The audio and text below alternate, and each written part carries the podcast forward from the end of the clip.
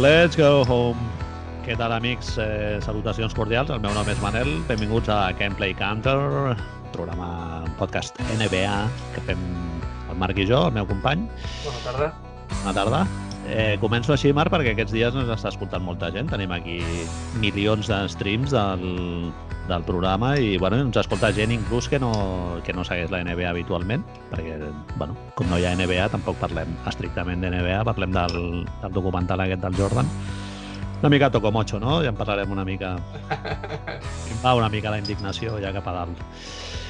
Eh, com estàs? Tot bé? Sí, sí, se Sí. podría decir, se podría decir. Vamos haciendo, vamos. Caloret faller ja, eh? Ya, tío, esto eh, és una forma de començar molt, molt cutre, no? Però sí, quina calor ja. Tio. I és que jo estic aquí a una habitació perquè no entri soroll i tinc, tinc una mica de calor ara mateix. Bueno, doncs parlarem, parlarem Estàs sense roba? Perdona, estàs sense No, no, roba? estic abrigat. Que ara és l'època aquesta que et confies i, i t'encostipes. Doncs això, parlarem de l'episodi 5 i 6 de, de Last Dance, la sèrie de producció ESPN Netflix sobre l'última temporada del Michael Jordan. Bien. Parlarem una mica de l'estructura del guió, que el Marc s'ha buscat aquí un tema molt interessant. Parlarem que finalment ha sortit en Toni Kukoc, resulta que està viu. Antoni. Parlarem una mica dels segurates que formen part del cercle aquest de confiança del Michael Jordan, que per, sota el meu punt de vista és un dels punts àlgids del, del show. Esperit competitiu, parlarem una mica si està zumbat el Jordan o no, si és una persona normal, etc. El, el tema del gambling també, addicció, addicció al joc, també en parlarem una mica. Parlarem de The Jordan Rules, el llibre del Sam Smith, un tio que es diu Richard Esquinas, qui hagi vist els episodis se'n recordarà. Però escolta, Eh, no, que, posa't a parlar, ¿no? ¿Qué es esto de leer eh, los titulares del guión? Quan... Republicans buy sneakers, que és el, el, una de les cites més conegudes del Michael Jordan, i també parlarem del Craig Hodges, o sigui que tenim un guió apretadito. És que la gent sèria ho fa així, Marc. Tu perquè Ja, tio, però, però jo estem acostumats a fer-ho entre nosaltres, però, bueno, no està mal fer-ho així. Si practicamos, no? Eh, deia una mica a Tocomocho, tio, que, no, que el que jo esperava del documental l'estic veient que no ens ho donaran ja, Marc. Eh, eh, hombre, hemos llegado a la mitad. Si, si tenías unas ganas de ver Ah. coses concretes, ja complicat. Ara, també et diré que segurament era cosa més nostra, no? Que volíem veure una sèrie de coses que després la gent que no ha de seguir la NBA, els de Netflix no, li, no ens estan venent això a nosaltres, sinó que li estan venent a tothom, no? Discrepo. Ojo! A mi se'm va vendre Carnaza, eh? Eh, bueno, Se'm va vendre una cortina, se'm va vendre unes imatges inèdites eh, que el Michael Jordan no ha volgut compartir durant 25 anys bien. i, tio, i no estem veient res, estem mirant com el Michael Jordan tira monedetes allà i li dona 20 pavos a un dels segurates. O sigui, tampoc no... No sé, el que jo esperava, que era tot el que no són els highlights que ja han vist 50.000 vegades, ah, no hi ha molta cosa més. No sé, en resumen, per gent que no està molt ficada en la figura de Michael Jordan i de la NBA en general, no sé. A veure, el que passa és que... Igual avui tinc el dia negatiu, eh? No em facis molt de cas. Bueno, hem escollit un dia llavors per gravar això, no? És el que hi ha. Hoy, és negativitat, doncs negativitat, no passa res.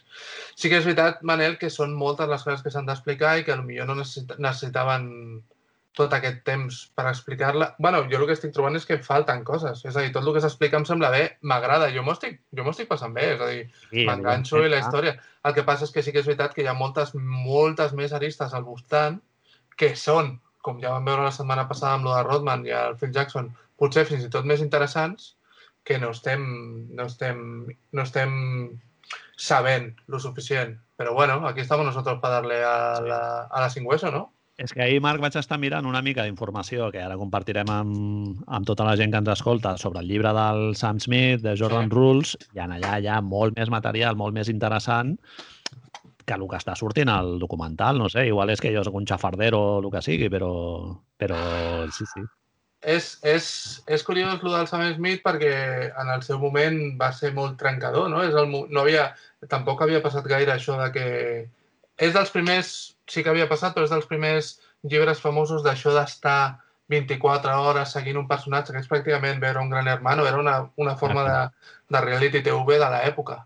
Uh -huh. I clar, òbviament, com a qualsevol reality de, de l'actualitat, el que ven i el que la gent ens acaba agradant pues no és el que veiem cada dia. Ja, a, ara en parlarem, perquè hi ha moltes sí. coses sobre això. És a dir, el, el gran, el gran que, que ens fa entendre una mica, crec que això, no el gran que, però un dels que és el, el que deien a l'època, fíjate, si voy a hacer viejunismo ara, Manel, a l'època del, del Cruyff, no? Quan jugava, quan jugava, eh?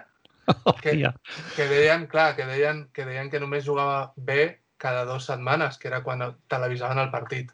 Ah, bien. A la NBA de nosaltres de viejunismos passava molt això també, que els partits no nacionals no hi havia League Pass, no hi havia res d'això, no hi havia els highlights que veiem en l'actualitat. Els jugadors es podien reservar. Ara el nivell d'atenció que hi ha a sobre és increïble, amb la qual pues, Michael Jordan podia ser un capullo perquè no tenia la gent a sobre tot el rato.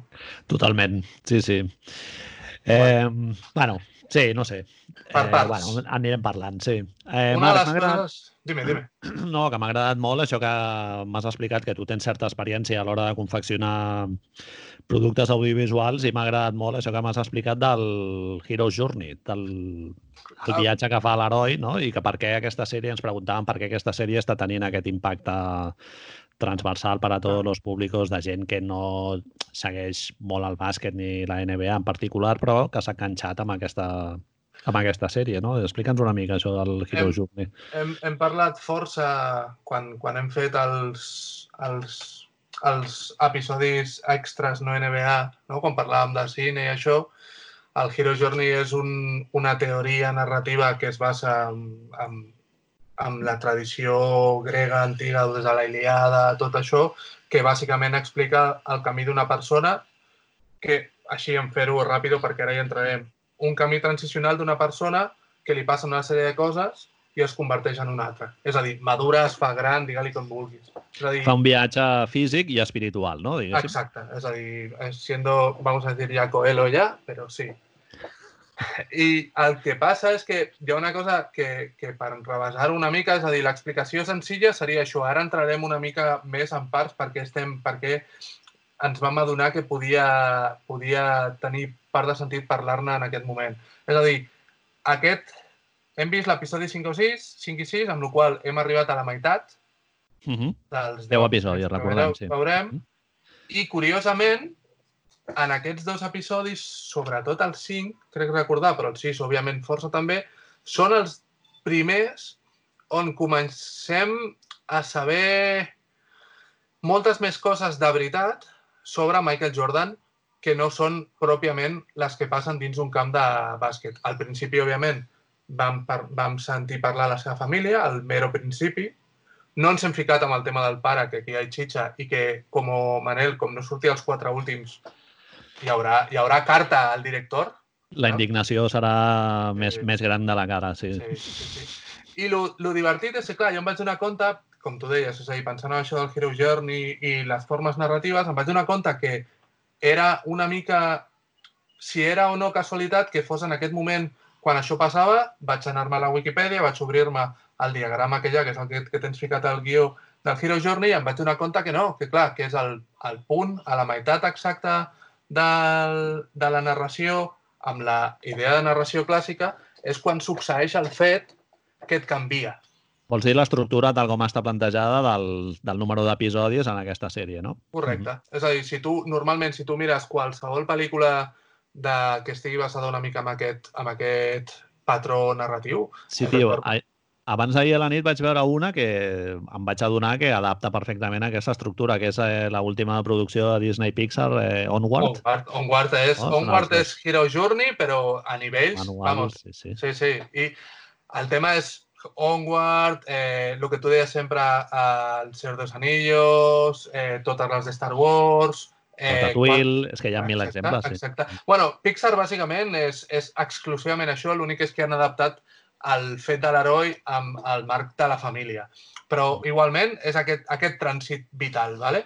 Si et fixes, eh, a, al punt exacte de la meitat és on hi ha el fet que en teoria t'ha d'acabar transformant després, al final. Mhm. Però és el fet que et fa adonar-te que tot el teu trànsit potser no ha sigut com el que era o que et fa eh, patir o que et fa canviar com a persona. t'enfrontes a un obstacle Exacte. que, t'acaba transformant, no? Si el superes. El que ells diuen Revelations. Exacte. A la Iliada i a la, a la Grècia clàssica és quan arribes a l'abismo, quan et trobes amb la mort i tens el teu renaixement. Això Mhm. és, és de, de teoria, eh? no és que m'ho estigui inventant jo, tot i que pot ser una mica pajillero. El, aquí ens trobem, en el 5 o 6, ens trobem a Michael Jordan arribant a la fama, arribant El A preu la de la fama, no? Veiem? Sí, el sí. preu de la fama, el preu de la responsabilitat o no social, el preu de Sam Smith traient el seu llibre, el preu d'ell convertir-se en, en un personatge que potser no és el més agradable... Totes Bueno, que li fan, coses. li fan preguntes després d'una sèrie d'anys en els que el Michael Jordan era eh, aplaudit des de diferents vessants i tal, ara se li, comença, se li comencen a fer preguntes a la roda de premsa sobre si té un problema d'addicció al joc, per exemple, no? També. Se'l qüestiona, bàsicament. Exacte. És molt guai perquè en aquest sentit, en el 5 veiem com Michael Jordan es converteix en la icona més important del món, Uh -huh. les Olimpiades, el doblete, anar cap al triplete, Be Like Mike, McDonald's, Coca-Cola, de sobte arriben les Jordan Rules i tenim el primer, el primer cosa així com, ai, cuidao, que esto me la peguen. El i al cap- backlash, no? Backlash, Exacte, no? Es diu exacte. Estats Units, que és com el, el bajón, diguéssim, o el, Exacte, sí, sí, la sí. contrapartida. O... La contrapartida d'arribar fins allà dalt. És a dir, en el fons, ells, ells moltes vegades em sembla que ho plantegen també des del punt de, de arriba un moment que l'adoració es converteix en enveja. Mhm. És a dir, per què no tinc jo el que té Michael Jordan, no? Però és molt curiós com, a, com aquesta estructura, perquè la idea nostra es basa una mica en saber per què està sent tan transversal, és molt curiós perquè alguns dels apartats del Hero Journey parlen d'això, de els, a quin és el... expliques el principi del camí, a l'origen, i als primers episodis veiem tot North Carolina, veiem el draft, veiem la seva família. Hi ha uns apartats que són els típics del Senyor de los Anillos o Star Wars, que són els ajudants, els que t'acompanyen al camí. Si et fixes amb, Mhm. aquests quatre, amb, aquests, amb els quatre primers episodis, hem tingut un episodi de, dissenyat per Sí, Scottie. Pippen, un altre per, cap a eh, Phil Jackson i un altre cap a Dennis Rodman. És a dir, els seus Mhm. ajudants... Perdó, eh, Phil Jackson me'l guardo. Els ajudants Scottie Pippen i Dennis. Hi ha un apartat del, del viatge de l'heroi, del Hero Journey, que és dedicat al mentor, que en aquest cas està clar que és Phil Jackson, Mhm. i llavors arriba, això, cap a la meitat arriba la transformació. I una cosa, Marc, un, una figura també clàssica de les narracions aquestes èpiques, que és el Malvado, no? Que també el Claro. tenim. Tenim, tenim darrere... és fixa't, baixet, baixet i Exacte. regordete. És que, és que més, més fàcil no ho podien tenir, perquè a més és la intriga palaciega, diguem-li, saps? És, un, és un malo que està dins, perquè ja l'hem ja convertit en malo. Ja l'hem convertit en malo. És a dir, mai, en cap moment ens plantejarem si Michael Jordan és el dolent. No, no, ja tenim un dolent assignat, que això és una de les altres coses que ha fet que aquesta història de moment sigui tan transversal, que la gent té algú a qui criticar. Té algú a qui dir, no, no, vale, Michael Jordan serà un desgraciat, però és que mira Jerry Krause Clar, que, sí, que sí. està gordo i és bajito, eh? O potser estic pensant ara que l'absència del Tony Kukoc, que era un jugador, recordem que tenia un paper molt rellevant, per si fa falta dir-ho, un paper molt rellevant a, a Chicago Bulls de, de l'època i que venia de ser el millor jugador d'Europa durant tres anys seguits i tal, potser per això no té tant d'encaix dintre d'aquesta estructura narrativa, no? Per això no té tanta Clar. presència. Narrativament no té un paper tan clar com el que tenen ells dos. Òbviament, a veure, tot el que ens agradi a nosaltres Scottie Pip, eh, Kukoc. Està clar que Scottie Pippen i Dennis Rodman són figures capdals en aquesta història. El que passa és que, curiosament, encaixen amb el paper aquest dels companys de Frodo o de C, eh, C3PO i R2D2 o el que Ahà. sigui que, que a les narracions... Que, Sí, sí. Sí, exacte, o Han Solo i Chewbacca, saps? És a dir, o el que sigui que els millennials avui dia fan, les de l'ho- les de l'hoquei o alguna així, segur que hi haurà alguna d'estos també. El que passa és que ara llavors, el que jo tinc molta curiositat i vull veure el dilluns és si aquesta transformació existeix de veritat amb la narració, eh? És a dir, si a partir d'ara aquests sis episodis, quatre episodis que ens queden són Michael Jordan des, des, desbocado i redenció al final. Home, venen, venen episodis en la vida del Michael Jordan certament foscos, no? L'episodi més fosc no és quan es retira... bueno, és, és quan maten el seu pare, no? Al final de, de la primera retirada que està fent el PLL allà jugant a béisbol i tal. I si m'apures esportivament, l'etapa Washington Wizards, que, que no, no es fiquen ni a playoff i tal, això segurament tampoc no, passaran bueno. una mica així com a epílogo, no? Diguéssim. Sí, o... sí, sí, sí, ja veuràs com sortirà, sortirà un textito al final o cosa. Jo bueno, crec... dir, et diran lo del partit aquell que va fotre... Els 40 eh, punts o no sé quantos. Punts, sí. sí, sí. Em fa por el de que no surti el pare, eh? Em fa por... Bueno, por no, però, però hòstia, és com... És que és molt necessari i em, em sembla que s'agafaran el béisbol per parlar del pare, saps? És a dir, faran mm. el discurs aquest de, de si el padre li agrada tant el béisbol i tota la moguda. No ho sé. Bueno, una tio. mica... Jo l'episodi 5, Marc, el, tal com comença, el vaig interpretar com que estaven eh, creant una coartada per justificar la retirada, la retirada posterior, no? diguéssim, que és com subratllar molt el, el pes aquest absolutament angoixant i omnipresent de, de la fama no? Ah, que, que ha de suportar el Michael Jordan, que era una superestrella que traspassa el, a l'àmbit esportiu. No? Era ja una icona que va molt més enllà i te n'adones que realment el seu dia a dia pues, deu ser molt, molt complicat i estan una mica justificant que després el tio, pues, quan porta ja tres anells seguits i realment trobar motivació és molt complicat, pues, el tio plegui, no? Quan en realitat la teoria que corre por ahí pues és que va ser un ajuste de cuentas perquè el Michael Jordan suposadament devia molts diners a la màfia i tal, i ha el seu pare no, per, per castigar. No, a, a veure, espérate, espérate. És a dir, això, tanto, tanto guió que tenies, això ho parlem quan toqui parlar guió. És a dir, que, que jo te tengo... que la, el punto conspiranoico l'hem d'explicar bé perquè hi ha molta gent, precisament com tu dius, que no sap totes aquestes coses i és molt important. Bien. Ara parlàvem de narració, l'hem acabat. No, no, ja que, ja que antes ibas estructura por sí. la vida, hijo mío. No, i tant, i tant, fem-ho, fem-ho. Era, un, era una introducció. a veure, eh, m'imagino que et vas posar molt content de veure Tony Kukoc i els seus 2 millions allà uh, en el sofà aquell de, del bueno, Maestros du Monde bueno, que té. Exacte.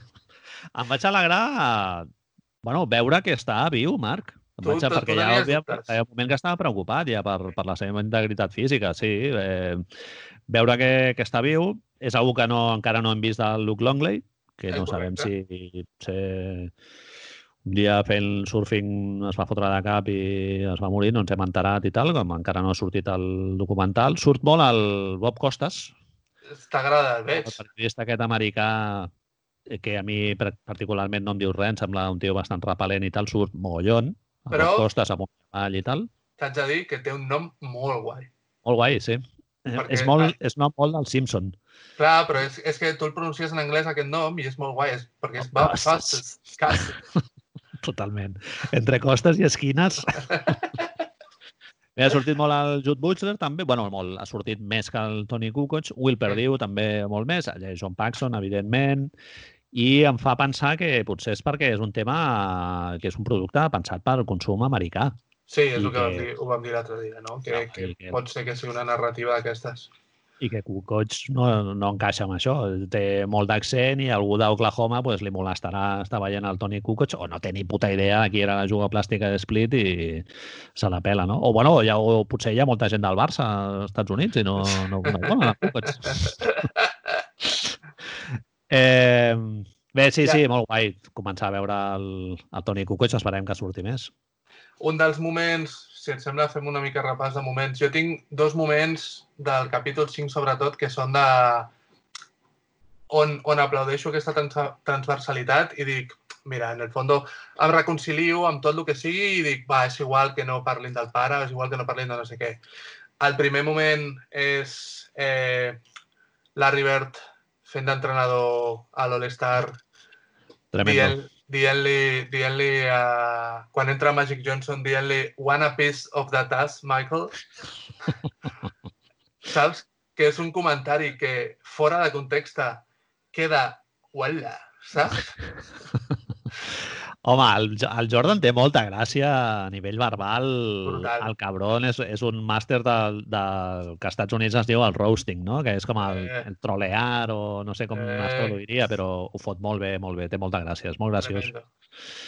I l'altre l'altre moment, tot el moment aquest del, de l'All-Star em sembla molt maco, ja en parlarem ara cap al final si tenia necessitat o no, més enllà de veure que són imatges increïbles i que aparegui un personatge que resulta que a l'ESPN els agrada molt. Eh, tota la part de Barcelona la vaig trobar molt maca, Mm. molt maca. A l'entrenament de Monte Carlo, que, bueno, això... Clar, estem passant... no, Estem pa... Digue'm, digue'm, Sí. perdona. No, no, que no és un episodi molt conegut, però sí, hem seguit una miqueta la NBA, o una miqueta, o, o bastant la NBA, ja el coneixíem, aquell episodi del, de l'entrenament a que el Michael Jordan al final s'emprenya no? i li demostra al Magic Johnson, bàsicament, perquè Larry Bird ja estava una mica cascat, li demostra al Magic Johnson qui és el, el Kie, no? Eh, Aquesta història, aquest, aquest partit s'ha parlat fins fa no molt de temps, no hi havia imatges, amb la qual sempre s'ha parlat d'ell com el millor partit de la història directament, eh, Manel? No, teníem, no el teníem allà perquè, clar, Sí. estaven jugant el Dream Team l'uno contra l'altre, a- en teoria picats. A les Mhm. imatges que es veuen, pues, a veure, veus, òbviament sí, veus sobretot a Magic Johnson, que és una mica motormouth, però poder tampoc molesta tant, no? És una mica com el, el tio aquell que diu eh, venga, venga penya, no? Tampoc Sí. diu, no és Gary Bueno, Payton, precisament, no? I s'ho pren bé, no? El Magic Johnson després pujant a l'autocar i estan durant 10 minuts una mica callats fins que ell fa una broma i trenca una mica el, el d'allò, no? Si A mi- Dime, dime. que tot, tot ve una mica amb aquesta línia de trobar els moments claus i únicament ensenyar-los, que els gaudim... És una mica... no? Mm. Sí, es una mica... Eh, el abuelo se está retirando i, i li estem posant la, la peli, saps? Al, a l'empresa on ha estat treballant 25 anys. Perquè, Sí, perquè, m'agrada perquè clar, el- no, no, estem, no estem anant a cap moment que ens pugui... bueno, hi ha moments, òbviament, sí, en aquest sí que és veritat que amb tot el tema de la fama i això es poden justificar certes coses, però no hi ha cap tipus de qüestió sobre per què, no hi ha cap... Tot és molt d'ensenyar, d'ensenyar, bueno, de coses, d'anar a la Wikipedia i, i anar tirant coses. Ojo una mica, Manel, com fem tu i jo. Sí, clar. Sí, sí, no, no, sí. Clar, realment, però nosaltres no tenim accés a aquesta informació que ells sí que tenen, no?, en teoria. Correcte. Però bueno, a mi mola molt d'aquests episodis eh, el partit aquest del Michael Jordan, Scottie Pippen versus Tony Kukoc a primera ronda, no?, contra Croàcia. Eh, M'agrada molt quan li pregunten al Kukoc i diu bueno, aquell dia no vaig jugar gaire bé, no? En plan, no, no, no posa èmfasi. Així com a l'episodi es posa molt d'èmfasi que el Michael Jordan i el Scottie Pippen van apretar molt en defensa per, Ah, desacreditar el Kraus i tal, que per altra banda em sembla algo molt infantil i molt pueril i, i totalment deleznable eh, sota el meu punt de vista, perquè el Toni Kukoc no té cap culpa. Eh, mola com el Kukoc diu, així com que no, la cosa diu, va, aquell dia no vaig jugar gaire bé. I realment és veritat que després, en el partit, a la final, no, que, que sí que juga realment bé i d'allò, tampoc no, no li posen no li donen tant de protagonisme com en l'altre partit. No? Que el primer partit s'ajusta molt més a la narració que ells volen fer i, i l'altre potser no tant i per això no surt. bueno, Croàcia, diuen- Marc, Sí, Croàcia, un petit incís, eh? sí. Croàcia juga la, la final dels Jocs Olímpics. Eh, ha, par- eh, com saps, països de tot el món i tal, moltes Sí. federacions. Bien. Croàcia, població total, 4 milions d'habitants. Eh? Quatre, eh? Menys, menys, que, menys que Catalunya i arriba a la final de les Olimpiades, no? És com l'Eixample, Guinardó i Nou Barris, bàsicament. Una miqueta més. I, bueno, si et fixes, si recordes, em sembla que la vegada que vam parlar de pels nostres amics de Planeta NBA d'Eslovènia i Luka Doncic, vam fer un càlcul semblant. És a dir, el, la quantitat de jugadors de bàsquet que havien arribat a nivell heavies d'esport professional i la població era, era increïble. Convertia Eslovènia encara menys. Eslovènia són 3 milions d'habitants. convertia Eslovènia en un dels països eh, que generava esportistes d'elit amb més qualitat del món. I Clar. és el, que, és el que tu dius, 4 milions de persones, l'estructura de postcomunista aquesta, i en canvi arribo a la final dels, dels Jocs Olímpics i Bueno, no, no, no et faig patir, òbviament, és el Dream Team. Clar, és que tota la, tota la, en el fons, tota la narrativa del Dream Team els hi va sortir molt bé i, òbviament, els partits del Dream Team són increïbles de veure i tot el que tu quieras. Però hi ha un... Sembla que hi hagi un petit atisbo de sustito contra Croàcia, no? Sembla que hi ha el moment aquell que el Petrovic diu ai, no, pues, que és que jo sóc bo també, saps? Mm -hmm. Òbviament, la profunditat de banqueta dels Estats Units és increïble. I tens Michael Bueno, Jordan, tens ja. Magic Johnson, tens tot el que tens. I a més a més que hi ha una, una subtrama, diguéssim, que jo l'he apuntat en aquí, no sé què en penses tu, que, que no, que no se'n parla quan es parla del Dream Team, que és que tant Iugoslàvia com la Unió Soviètica s'acabaven de, s'acabaven de separar o, o de dividir feia molt recentment. O sigui, ja no només era que un superequip com Iugoslàvia o com, o com la Unió Soviètica estigués dividit, sinó que Croàcia feia com un any que jugaven junts. O sigui, no... M'estàs Eh, dient... havien estat jugant sota, sota, una altra, sota, sota una altra selecció, no? M'estàs dient asterisco, Manel? no jo no el posaria, perquè realment el Dream Team, joder, No, si, eh, sumes, si sumes les partes, però, però bueno, sí que Iugoslàvia i la URSS els hi haguessin posat més complicats, seguríssim. Sí, no, hagués sigut, home, hagués sigut maco. A lo millor, gran part d'això ens hauríem d'haver informat una mica més a l'hora de fer tot això, però gran part de, de que sortís precisament el Dream Team i decidís que anava al Dream Team era precisament perquè no Clar. tenia rival. Clar. Per Que no- molt... És una exhibició. Suposadament, ara això és una de les, una de les coses que sempre es diu, no? que als Estats Units no passa els controls de doping a l'equip de bàsquet, com a mínim no passa els controls de doping FIBA als Jocs Olímpics. Uh -huh. Eh, bueno, hi ha unes altres coses per les quals decideixen l'empresa, perquè no ens oblidem mai que és una empresa que munta les Olimpiades, prefereix tenir Michael Jordan jugant ni que sigui contra Angola que no eh, el Matra Comargall. Així que... Sí, és veritat que, clar, que el Rod Thorne, igual que és qui, va, qui dirigia la, la Federació Americana, no? suposo que ho tindria molt més fàcil per convèncer-los a dir, eh, tio, que, mira, jugareu contra això.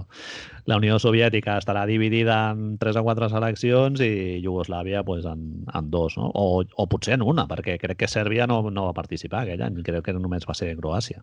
Manel, estic pensant ara, si totes les llegendes, i fem un petit repàs ara de el Dream Team per Barcelona són certes, és a dir, Charles Barkley dejándose los tolfis eh, Cert. por todos los bares de la ciudad, eh, Larry Bird anant a veure partits de béisbol caminant per les Rambles i coses d'aquestes. El John Stockton demanant-li que, li, que un segurata li demana l'acreditació no? abans d'entrar a l'estadi olímpic pel desfile final. Sí. Aquesta l'ha sentit, no? Que, li, que el paren i li diuen Tu quién a eres? veure, eh? acreditació, i el tio no, que jo jugo a la selecció de bàsquet i el pavo partint-se el cul. Comença a riure. Eh, què hagués passat? No tenim... Clar, és 92, encara no tenim el Dennis Rodman importante, no? Aquí, és a dir, no tenim un Dennis Rodman d'arribar a Chicago, perquè Dennis Rodman de la, del primer, del segon any de San Antonio a Chicago hagués sigut, in, a Barcelona hagués sigut increïble, eh? Imagina Charles Barkley i Dennis Rodman al mateix vestidor. Uf! Eh, home, tremend. Allò sí que ha sigut un dream team. Marc. Treus el David Robinson i poses el Dennis Rodman. Com lo Ojo ves? lo, ojo lo que has dicho, ojo lo que has dicho, que ahora nos sortirá todos los, los espuristas del mundo a dir-nos què, què estem dient. Però bueno, Sí, sí. Eh, una altra cosa que em vaig quascar, que em va fer molta gràcia, que és que el Tony Kukoc, en el moment que surt l'anècdota aquesta que explica el John Paxson, no? que ells estaven a la part de davant de l'autobús amb el Will Perdiu, el Wellington i tots aquests de melanina realment clareta, jugant Ja. al backgammon a dòlar la partida, com explica el John Paxson, que triste. dius, hombre, pots posar una mica més de pasta, no, cabron? Eh, el Tony Kukoc està a la taula del Michael Jordan amb el, amb el Pippen, el Ron Harper, i eh, jugant-se molts calés, eh? O sigui, Està- que Kukoc... M'estàs dient que, que, tot i que tot el, tota la, la parafernàlia aquesta que hem anat sentint, de que el Chico de Kraus i tot això, m'estàs dient que Kukoc seia a la taula amb els grans, no? També? Exacte. Al col·legi estava assegut amb els que molen. Sí, tio. Eh, bueno, potser era un tema de salari, eh, purament, que el Kukoc guanyava molts diners, eh, menys que el Jordan i el, i el Pippen en aquell moment, però, però guanyava pasta. Després ja no, no? Després va ser el Kukoc ja guanyava més que el Pippen, Sí, però... sí, sí. Clar.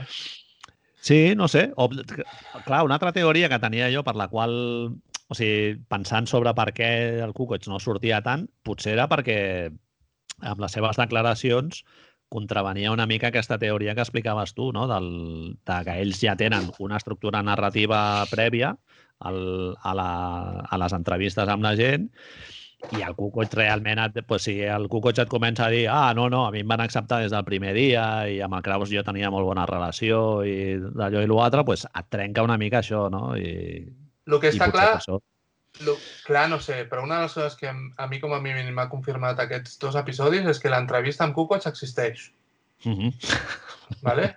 Sí, però, però ens fa gràcia per lo que tu deies de que no s'ha mort i tal, però això vol dir que amb Kukoc s'ha parlat sobre tot els temes que s'ha parlat amb la resta. Si sabem que Phil Jackson va estar 4 hores, sabem que Michael Jordan ha estat diversos dies, de, eh, Scottie Pippen no sabem quan ha estat, però de moment no ha canviat de localització de darrere, ¿vale? de fondo, Dennis Rodman no va canviar, però va estar força rato perquè recordem-nos que va demanar va demanar, has vist això, no? Que Dennis Rodman per fer l'entrevista li va dir que estaria 10 minuts i a canvi va demanar, va estar com quantes hores, no sé quantes hores, però va demanar un Subway, un entrepà del Subway de tonyina i un, un, un té de camomila.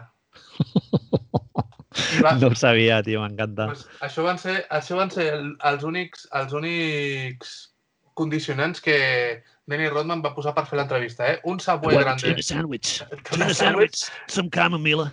I es veu que va dir, és, això, això em fa fer molta gràcia, això em va dir, eh, es veu que va dir que, que estava sorprenentment bo a l'entrepà del Subway de Tonyina. És a dir, que... Subway, jo vaig entrar una vegada, Marc, amb ganes, amb ganes Què? de menjar, eh? Sí?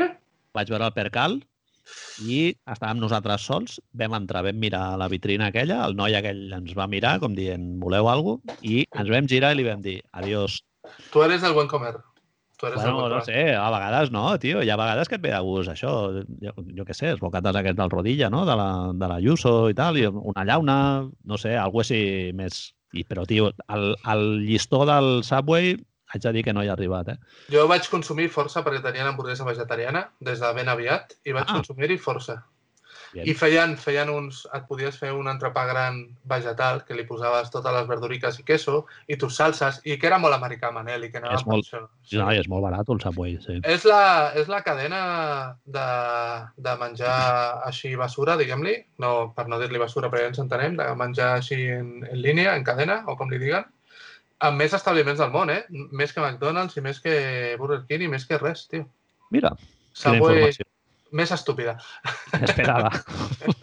doncs sí, tio, Denny Rodman va demanar un entrepà. bueno, el que em venia a referir, que, que li donem voltes com si, com si li haguéssim de donar... Avui que volies fer-ho sèrio, això, Manel? Exacte. Cago en eh, que, que l'entrevista amb Kukoc existeix i, com a mínim, ha de durar el mínim que durin la dels altres. No crec que li facin 10 minuts a Kukoc i ja està.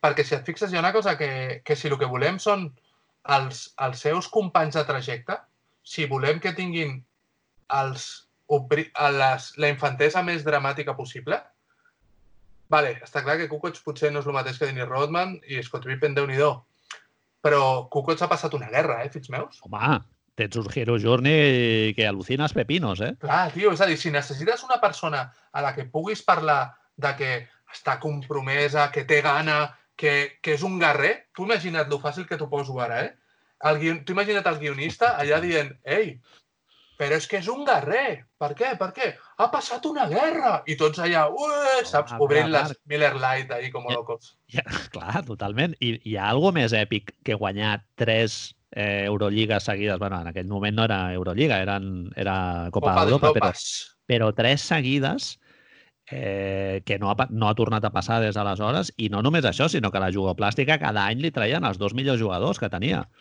Al, al, al, al final va acabar guanyant la tercera temporada, no sé si te'n recordes tu, va acabar guanyant amb el, amb el Sobin, eh, el, el Savic, el Retenovic jugava titular, o sigui, era un equip que ja no jugava ni el, ni el Dusko, eh? o sigui, era bàsicament el Kukoc i, i quatre matats. I Això és superèpic.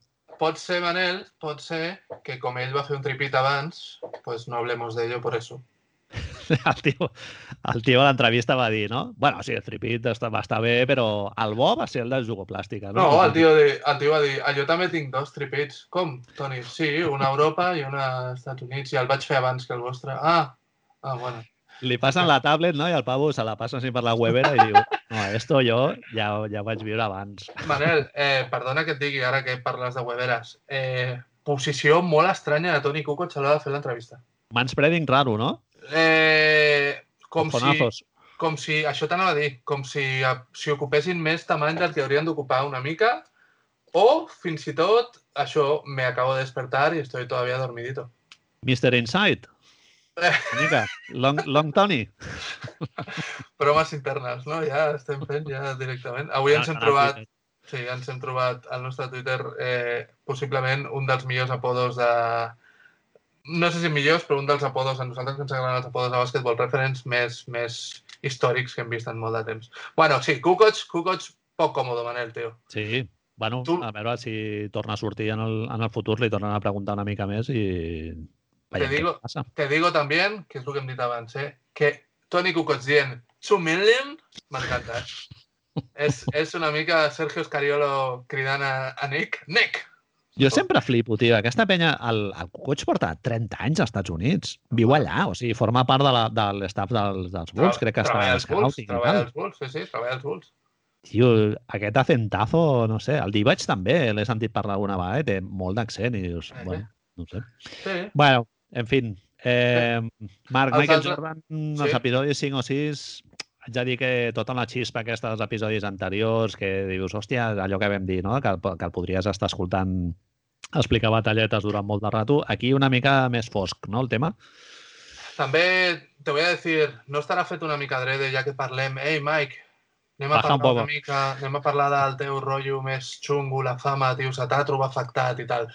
No sé, sí, és veritat, és veritat. Eh, o eso, o que van veure les imatges de la primera gravació, es van donar compte de lo del, de lo del vaso de circono que no el podien treure, ja després perquè costava molts calés treure'l, i van dir, Michael, hoy no, hoy no bebes, eh? Per, Avui per sola. parlar.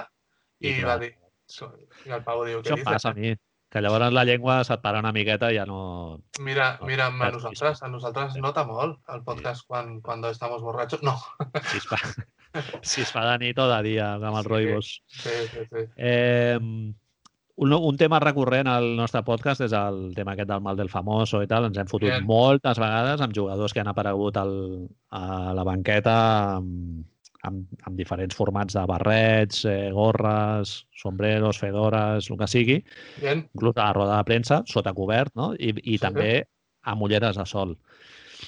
Entrevista l'any 1993 amb Ahmad Rashad amb les ulleres, com lo ves? et dic, a veure, per començar una mica, abans d'entrar amb això directament, tu ets el, el senyor Rashad aquest, estàs a casa, et truca Michael Jordan i et diu ei, que vull parlar amb tu, i tu fas gloops una mica, no? En plan, uella. I, i, i anant al tema que tu dius, que és per això m'ho has, has tret, el propi Rashad ho dius, no? En plan, eh, tronco, eh, et treus les ulleres, sisplau? Vaig, I- fli- vaig flipar que anés amb les, amb les ulleres. Clar, tio, però és que no et fa la sensació, Manel, que el fet de posar-te ulleres tan fosques, perquè a més són tan fosques, i la, la, la forma de realitzar els programes en aquella època, que és molt un plano contra plano, no se'ls veu, a les imatges que ens han posat no se'ls veu mai junts, ¿vale? No, perquè deuen estar en un lloc superpetit, sí. Però sembla Stevie Wonder, tio. Sembla que estigui xec, Michael Jordan. Sembla Ray Charles tocant el piano als Blues Brothers, tio, que, que va mirant Totalment. allà cap a tots els cantons. On mires, Michael, tio, que estic aquí, saps? Me Jo- l'imagino. Jo et juro que quan ho vaig veure vaig dir, dic, hòstia, ara obriran el plano i el pavo té un tecladet allà i està, està tocant el, el teclat i fa com, un, com el Darryl de The Office i es fa uns, uns cantes i Però- resulta que canta de puta mare. Ah, no sé, tio, mal del famoso molt, molt acusat. Clar, és el... I, però i bueno. m'he donat compte d'una cosa que la tenim una mica més endavant, però la dabantem, amb això que dèiem abans de lo del Cruyff, eh, quan té la càmera davant, quan té el micro davant, li canvia molt el to de veu. En, a l'època de jugador, eh? Parla així com una mica Michael Jackson, tio, el que dèiem... Eh, Pau, tio, que acabes de dir-li a... Li acabes de dir segurament a Will Perdue que està gordo i ara surts aquí a la tele i no, tal, és que soy... Totalment.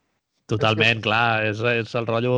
Clar, Michael Jordan era un tio molt conscient, perquè ho va haver de ser, molt conscient de l'impacte de, de la seva imatge pública, no? I, és molt jodido haver d'anar... Bueno, jo no podria fer, Marc, haver d'anar tot el dia amb la màscara posada, no? De, Mira, que... això, això, em fa, això em fa que diguis, és molt jodido tenir, ho parlarem pels dos sentits, sis pallos de seguretat amb tu.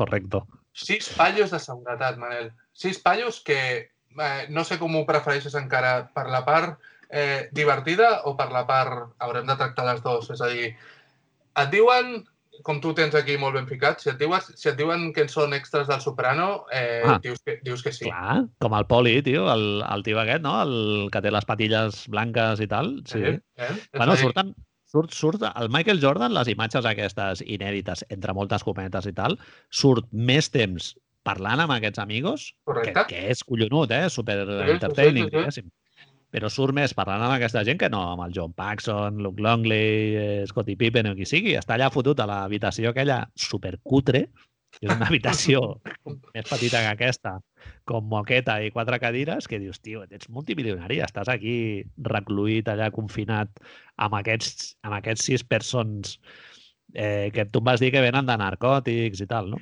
Té, es veu que tenia predilecció, tu, ho, ho dèiem en un, un article de The Athletic, eh, té certa predilecció pels militars, policies i això, perquè el seu pare, otra vez aquí en la sombra del padre, eh, havia sigut militar, i tots venen d'això, són, bueno, com a mínim el, el Wozniak, el gran protagonista per Rook, aquest que li fa guanyar-li els calés. El Gene Wilder, no? Això, això. és expolicia de narcòtics que ell, ell explica en moltes entrevistes que va fer a l'època quan van sortir... Perquè Nike fa un temps va treure a la venda, va treure les, les jaquetes aquestes de security que porten. Uh -huh. I llavors... La, no fotis. Sí, tio, sí, sí. No, no sé, per, no sé per quin aniversari les van treure. La foto d'ells sortint del... obrint la porta del, als sis paios i el Ferrari, el Michael sortint del Ferrari es va fer com super famosa i van treure les jaquetes, no? I el tio el van entrevistar a l'època i el tio explicava això, pues que ell havia viscut, era poli i que és molt fort perquè van començar a poli de narcòtics, van començar a treballar per Michael Jordan sent policies encara. No és que estigués un tio mm -hmm. retirat i això, sinó que el Michael Jordan tenia, no sé, per, no me'n recordo per quina raó, tenia el telèfon d'algun d'ells, es van anar sí. passant els telèfons expliquen... dels Digue'm, Ho expliquen a l'article de Athletic, es veu que el John Michael Wozniak, que és el, el senyor aquest del pentinat divertit, que ara seria absolutament impossible que algú que sortís per la tele anés amb aquest pentinadet, Correcte. Eh, aquest senyor es veu que aparcant li va fotre una ah, hòstia al cotxe del Jordan i li va deixar una nota i tal, i el, bueno, el Jordan es va posar en contacte amb ell i van congeniar i tal. I a partir d'aleshores pues, el Wozniak li va explicar que era policia, que es dedicava a temes de seguretat també, no sé què, i bueno no deixa de ser curiós que tots els, això, els membres siguin per, pues això, expolicies, Wozniak en concret de narcòtics, que no deixa de ser, tots els que hem vist The Wire algun cop a la vida, no deixen de ser un tipus de policies com especials que han de lidiar amb el pitjor, normalment, de los bajos fondos, Manel. Sí, Saps? totalment. I també, per un altre costat, la gent més, com ho diríem? Amb recursos? Obscura, no, no, obscura o amb, amb dobles cares o... Ah, sí. Diguem que els d'Internal Affairs van molt a parlar amb la gent de narcòtics. narcòtics, sí, sí. tenen, tenen força, el que em referia als recursos, que tenen força recursos pues, per fer que coses que semblen il·legals semblin legals ah, sí. i coses ah, aquestes. Normalment, de comissos, no. no? Clar, de comissos, els, els confidencials, no? Sí. No deixa de ser curiós això, que Michaels es porti amb una, amb una, amb una part de la policia que normalment està metido en tots els, els afers més xungos. Totalment. bueno, per acabar amb això, el, el Bosniak aquest, el senyor aquest es va morir el, aquest gener Bien. i el, el fill comenta que el van entrevistar pel documental, o sigui que igual... Sí, o igual ah. surt, surt en el futur i tal. Eh, una cosa molt curiosa que m'has comentat tu, que és que tots portaven eh, tatuatges del Michael Jordan. El, ah, tot el cos aquest de seguretat porta un tatuatge del Michael Jordan i el senyor aquest portava dos. Dos, sí. El, el, fixa't, és a dir, ells parlen, clar, tot el que, tot el que s'ha sentit a parlar d'ells, les entrevistes que hem pogut llegir antigues i això, parlen, amb, veneren Michael Jordan, és a dir, el tracten, el Wozniak diu directament, parla d'ell com si fos un fill i diu a l'entre... Jo vaig llegir una entrevista que deia, d'abans de morir, que deia que fins i tot l'havia trucat fa poc per preguntar-li no sé què. Saps? Sí, que... bueno, és que de, fet el Wozniak era l'encarregat de la seguretat de la mansió que té el Michael Jordan a North Carolina, aquesta Correcte. que surt al documental amb el 23 a la, a la porta orterada màxima, Guapa. sigui dit de pas. Mal del famoso. Però sí, sí, aquest senyor ha mantingut el contacte amb ell i tal, fins que va morir aquest gener amb 69 anys. Doncs Wozniak explica en una entrevista a Complex que ells anaven una vegada per no sé on, anaven al 6 amb, amb Michael Jordan, no sé si de nit o en una visita no sé quantos, van passar davant d'un puesto de tatuatges, van fer una broma de no sé què, i Michael Jordan els hi va fer, els hi va proposar, els hi va obligar, els hi va, no ho sabem perquè Wozniak no ho diu, però els hi va dir que, que els hi pagava un tatu del Jumpman a cada un d'ells i tots portaven, tots, el seu equip de seguretat porta el seu logo. Llavors, això té una lectura, Manel, si em permets, eh, una mica, com, com podríem dir-li... Tu no portes tatuatges al teu jefe, no? El... No, no. La biblioteca de Barcelona jo no porto res, tampoc. No, no portes, no, no, no. no, no. Eh, però clar, quan... Oh, mira, per, permetem la dona, encara... La dona del Wozniak, no? Hòstia, en sèrio, tio? La, eh, que, I esto se va, no? Això què és? Això amb, amb el sabó se'n va, no? Eh, no. Clar, però el tema, Manel, dèiem, tu no portes tatuatges del meu jefe. Et dono una volta a aquesta, a aquesta pregunta. I si el meu jefe vingués i em digués eh, que t'has de tatuar el meu logo? O, saps? És una mica... És, és pitjor encara, eh? Saps? No és que jo no vulgui, és que el meu jefe em diu ei, per què no et tatues el meu logo? Ja, I, ja. I tu és un, dius... Ah, és un sotmetiment, és un sotmetiment bastant humiliant, sí. Home, si ells no es van prestar... Pf, recordem, recordem que un tatuatge ara no és el mateix que un tatuatge a l'any 93, eh? Correcte. L'any 93 no molta gent anava amb tatuatges. Jugadors de bàsquet, per exemple, cap, excepte Dennis Rodman, que va ser el primer. I fixa't com es va tornar, com es va tornar la penya quan, quan això, quan es va fer sí, les primeres coses, no? Lo controvertit que va ser, sí, sí. Molt bé, Marc, doncs... Eh... Em parlaves del petit de Calaril, Manel a parlar el petit Calaril, exacte. Vinga, va, canvi de tertio. Ah, Vaig llegir, bueno, per coses, de, coses aquestes, de, que comences a escoltar un artista, no sé per què, ara se m'ha obert la porta del, del petit de Calaril i mentre escoltes música, aquests dies que estàs així més ocioso, vaig llegir una entrevista molt bona. Hi ha, hi ha gent que diu coses interessants quan les entrevistes i gent que diu lugares comunes, no? Segurament, Exacte. si llegeixes entrevistes amb Love Lesbian, pues, tots els respectes per la gent que li agradin, a mi no m'agraden molt, Superfan. no hi ha tant coses tan interessants quan sents parlar el Santi Balmes com quan sents parlar el xaval del petit de Galeril, no? I en una entrevista deia alguna que se'm va quedar marcat que diu que quan trobes alguna que, que t'agrada t'has de tirar t'has de tirar a totes a fer-ho, no? I diu, jo vaig sentir aquest d'allò de fer música, diu, de fer discos i estic mirant d'aprofitar tot aquest rotllo, no? O sigui, que prou costa trobar coses que t'agradin i com, com per deixar-les passar quan se't presenten, no? I, el, I en el cas del Michael Jordan, a mi em va donar que pensar de que, de que veient el capítol 5 i el 6 no és el bàsquet el que amb ell li, tira, li fa tirar endavant o, o el, cap, el cap petit de galeril serien els discos, no? o la música, sinó que és la competició et demostra perfectament, no? El capítol 5 i el 6, tant parlo del golf, com tiren les monedetes amb, amb la penya segurates, com lo de, jo què sé, les apostes de les cartes a l'avió, tal, tot és a lo grande, no? Competir i tal, i és com una mena de posar-se a prova amb ell mateix per és la seva manera de treure la motivació per, per seguir en, en moviment cap endavant, no? És un, és un jonqui de la competició. Clar, i l'ha de, de treure de qualsevol forma, no? És a dir, ell, en certa manera, és un d'aquells personatges afortunats a la vida que ha trobat no només a lo que és molt bo, sinó el que li omple de veritat.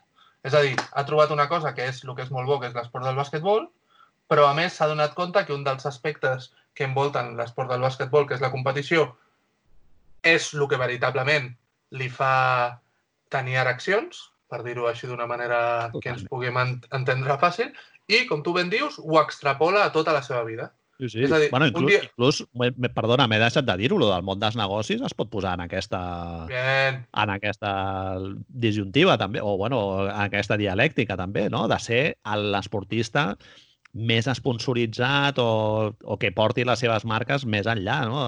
La relació que va tenir amb Nike... Hi ha una... Hi ha una... A veure, com això ens ficatrem una mica en un berenjenal. Hi ha una lectura d'aquí que és com que és molt típica del capitalisme americà no? i que no deixa de ser curiós que normalment els hi passa a, a aquestes superestrelles afroamericanes, que és que normalment entren en contacte amb grans empresaris, que normalment són blancs i vells i homes, que normalment els hi diuen com han de continuar vivint la seva vida de negocis.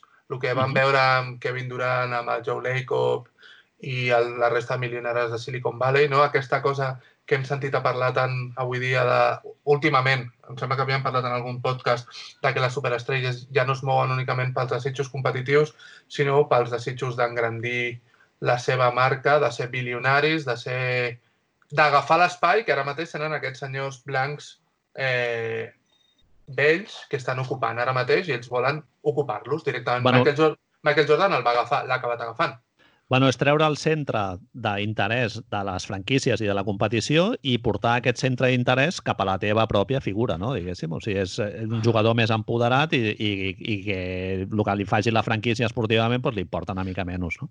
El que passa és que em fa la sensació que Michael Jordan és com dels primers que sabem que es dona compte que a nivell, com tu dius, eh, aquest nivell de competició s'extrapola als negocis també i que l'objectiu real, eh, si l'objectiu real és ser el millor, és a dir, competir sempre a aquest nivell, no ho pot fer només al camp i ho ha de ser el millor en tot l'altre. I els Mhm. americans acaben relacionant i ara estarem fent una, un topiquisme, generalització i que algú em perdoni, eh? però sí que és veritat que, que històricament sembla que els americans acostumen a relacionar això amb tenir molts calés. Uh -huh. El fet de voy a ser billonario.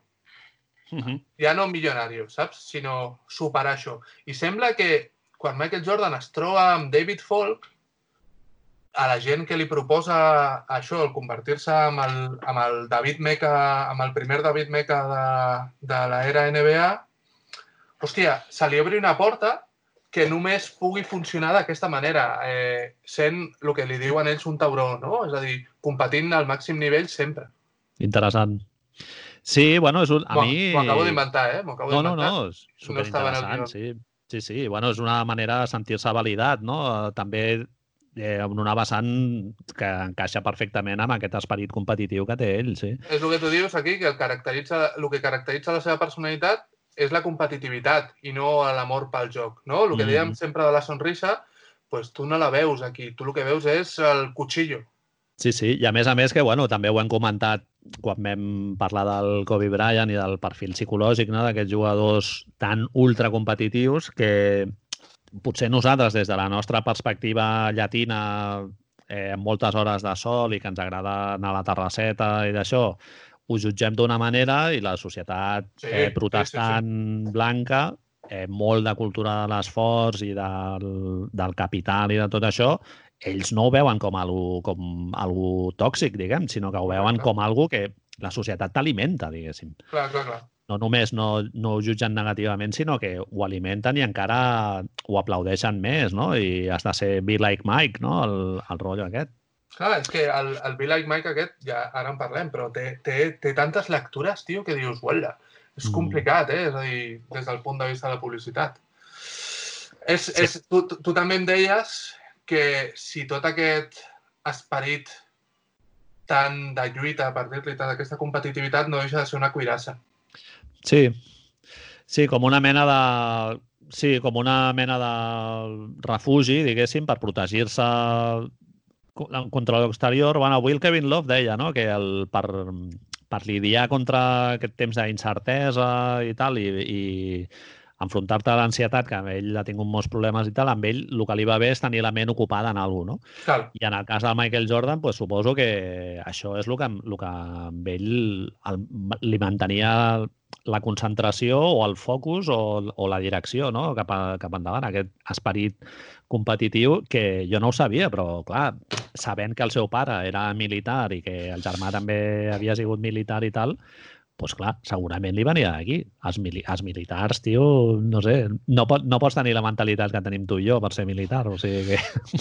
I segurament, segurament no deixa de ser, ho parlàvem un altre dia, sabent ara aquest, aquest, això, aquesta infantesa, no sabent-la perquè encara no hem parlat, però al moment eh, paramilitar, al moment eh, maestro zen com a mentor, la diferència entre el mentor i el pare és un fet que jo crec que a ell psicològicament, hòstia, li hauria bueno, no, no trastocar, però, hòstia, el, el deixa en una posició molt estranya. Quan el Dennis, mm -hmm. Rodman, el Dennis Rodman no para de dir father figure, no? quan parla de tots els seus entrenadors, hòstia, et fa pensar, et fa pensar. Sí, sí.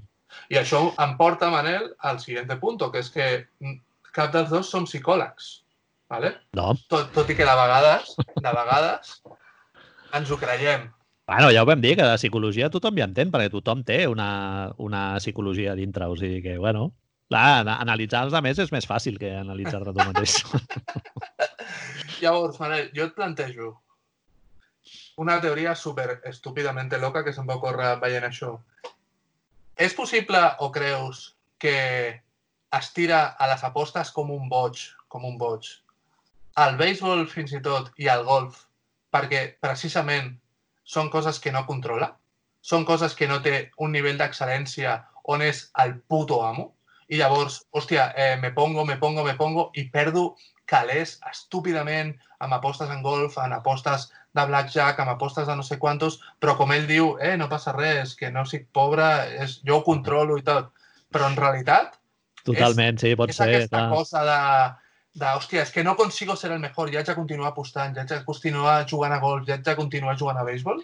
Sí, és el que t'he posat aquí ja, pedanteria màxima, el del el mite de, Sis, de Sísif, de Sísifo, vamos, de Sísife, vamos, que ja sabeu, el, el, el tio aquest que va amb la pedra, puja, puja, Manel, la gent que ens escolta ara mateix està fent la ola. Ja, hem arribat ja al, al mite de Sísif. El mite de Sísif. Minuts després de citar eh, una entrevista al petit de Calaril, eh, Marc? ja t'ho vaig dir que era un moment històric. bueno, el mite de Sísif, ja sabeu, el tio aquest que va amb la pedra empujant-la cap a dalt, cap a la muntanya, de manera infinita, sense arribar mai al final, no? I sí que és veritat que lo del, això que deies tu del Michael Jordan, d'escollir aquestes tres, aquests tres camps en els que el seu eh, marge de millora, diguéssim, era molt més gran que en el del bàsquetbol, en el que ell, aquesta motivació alimentada per la competitivitat, pues, va, va tocar sostre perquè va arribar a ser el millor amb, molt, amb moltíssima diferència, doncs clar, això que tu dius, a les apostes al béisbol o al golf, en les apostes entra el factor random i aquí ja no depens només de la clar, teva tio. performance, no? sinó clar, que clar, clar. aquí ja mai de la vida podràs arribar a dominar això. bueno, a no sé que siguis... Els del pòquer sí que... Sí, sí, però fa la sensació de que tens, tens com si, com si aquesta sensació de que al coincidir temporalment tan poc amb, amb Magic, Larry Bird, Karim, trobar-se coses molt, molt dures, òbviament. No estic ara menyspreant ni els Pistons, ni els Suns, ni els Trailblazers de l'època, però que segurament podríem afirmar tots que no estan al seu nivell, ¿vale? Mm -hmm. Hòstia, ell necessita una motivació que el situï sí. amb, amb, amb, aquesta, amb aquesta sensació de competir, no? És a dir, a lo millor ell creu veritablement que no estava competint realment al bàsquet, però també després veiem ell mateix dir que s'havia buidat, que ja no el motivava, però lo millor és, és això el que no el motivava. O potser era, jo què sé, un impulsador masoquista de sentir-se que... ah! de sentir humà, tio, no sé, o de, o de sentir-se menys intocable, no? Diguem, de dir, hòstia, recordar-se a si mateix de que era, de que era ah. humà en molts altres aspectes de la seva vida, no? Sí, sí, el del César. Manel, i si li agradava perdre, tio? Estava tan poc acostumat a perdre que li agradava... I si li passava el contrari? I si li agradava la sensació de perdre? El xiste de l'Eugenio, ¿no? De me encanta jugar al domino y, y ganar. Ai, no, i perder, ¿no? eh, sí, no sé, és molt, és molt heavy i, i els dos episodis aquests demostren que el tio, a l'esperit competitiu, bueno, l'anècdota aquesta que comenta el John Paxson, no? de, de, que, de que es fica a jugar amb ells al backgammon per un dòlar la partida i el tio li diu, però tio, si tu jugues a pòquer perquè jugueu 20.000 dòlars en una mà i tal, diu, sí, diu, però vull els teus diners a la meva butxaca, no? És que això. ja molt malaltís, Sí, sí, sí. molt revelador. A veure, Manel, parla'ns una mica de Sam Smith. No, Sí. del, no del cantant, eh? De, del periodista de, que va, va fer aquest llibre tan... Ei, estoy haciendo un poco, t'imagines? Estic fent una mica de portar l'entrevista, com si t'estigués entrevistant, així, ara. Fantàstic. Em sembla molt bé. No, a si mi em no. dóna temps a mirar-me una mica. El Sam Smith és el senyor aquest que surt, al, ja l'heu vist, és un periodista del Chicago Tribune, ja es- està una miqueta gran, com podeu veure per tota la caspa que li apareix al, Uh, grande! el xaleco, el xaleco blau marí aquest que porta, que, que dius, tio, li podien passar un raspallet, pobre home. Està, és un senyor gran. Eh, aquest senyor formava part del, de la redacció del Chicago Tribune i era jove en aquell moment quan va entrar a cobrir a Chicago Bulls just en el moment en què el Jordan era rookie, no? O sigui, va entrar al mateix moment. I, lògicament, va tenir molt d'accés a escenes de la vida quotidiana del, del Michael Jordan que, que després va ser les que ell va reflexar en el llibre de Jordan Rules, que en el, es menciona en el, en el documental una mica de passada. Jo pensava que parlarien una miqueta més a fons perquè realment al llibre surten molts episodis molt sucosos que, que jo crec que tampoc... Bueno, el Sam Smith tampoc no fa el llibre amb la intenció de, de demostrar que el Michael Jordan en realitat és just l'oposat que, la, que el que la gent pensava, no? sinó que simplement mira de compensar una miqueta el, el relat i dir, tio, eh, aquest equip ha de passar per moltes dificultats abans d'acabar guanyant l'anell, no? I en, el, I en el llibre doncs, surt molta informació que ell va recopilant eh, de contactes amb el Phil Jackson, és una de les, de les principals fonts del, del llibre, del president, del, o sigui, del propietari de l'equip, Jerry Reinsdorf, també alguna conversa amb el, amb el Jerry Krause, altres amb jugadors que, per lo que fos situacions emocionals al transcurs de la temporada, doncs estaven, estaven enfadats o desencisats com a, com a l'hores gran, no? És a dir, en per, tot això- perquè ens situem un moment, Manel, és a dir, que deia, em sembla que ho hem dit abans, l'estructura d'aquest llibre, l'estructura que permet Sam Smith, Sam Smith fa pràcticament el mateix que van fer els senyors que van estar gravant de les dents. Es passa, Exacte. em sembla que una temporada sencera amb, amb els Bulls eh, i tenint accés a interioritats. El que passa Bueno, és que ell- no té... ell ja era beat writer dels, dels Chicago Bulls, diguéssim. Vale. O sigui, ell, des del principi de que va arribar el Jordan, ell estava, tenia una relació molt, molt fluida amb el Michael Jordan. De fet, les imatges que surten als primers episodis Sí. quan ell està planxant a casa i tal, allà, Sí. allà està el Sam Smith, diguéssim. Correcte, o sigui, ell, ell es parla, ell es parla d'aquella entrevista. Sí, sí. és una de les primeres persones en compartir 24 hores amb el Michael Jordan i tal, i de fet, després de la publicació del llibre, ells han sigut han mantingut el contacte i el Sam Smith va seguir cobrint els Chicago Bulls des de dintre i tal. I, de fet, ara treballa per... escriu a NBA.com Bulls. O sigui que forma part de l'esfera dels Bulls. És a dir, que el que a Michael Jordan és curiós, no? però a Michael Jordan el que li molesta aquest llibre és que surti el llibre així i es parli, es canvi una mica el discurs de figura perfecta que hi havia sobre ell, però en canvi sembla que no, no ho penalitza totalment sobre Sam Smith, no? No, clar, en el documental sembla que estan més preocupats en saber qui era Sí, l'informat, tio. no? Oh, que pesados, tio. que, bueno, queda mo com molt clar que és el, el Horace Grant perquè tenen la coartada feta, que és que acaba marxant de l'equip per, per, en teoria, guanyar més diners i tal. Eh, Molt bé, en aquests... no, no, no està gens clar, o sigui, perquè hi ha informacions que no les pot donar el Horace Grant. La, una reunió que tenen el, el Jerry Reinsdorf i el, i el Michael Jordan, el, en el que el Jordan demana, li demana ser el general manager de l'equip de facto, diguéssim, i passar per sobre del, del Jerry Krause, això no pot filtrar el Horace Grant. Això ho filtra el, el Reinsdorf.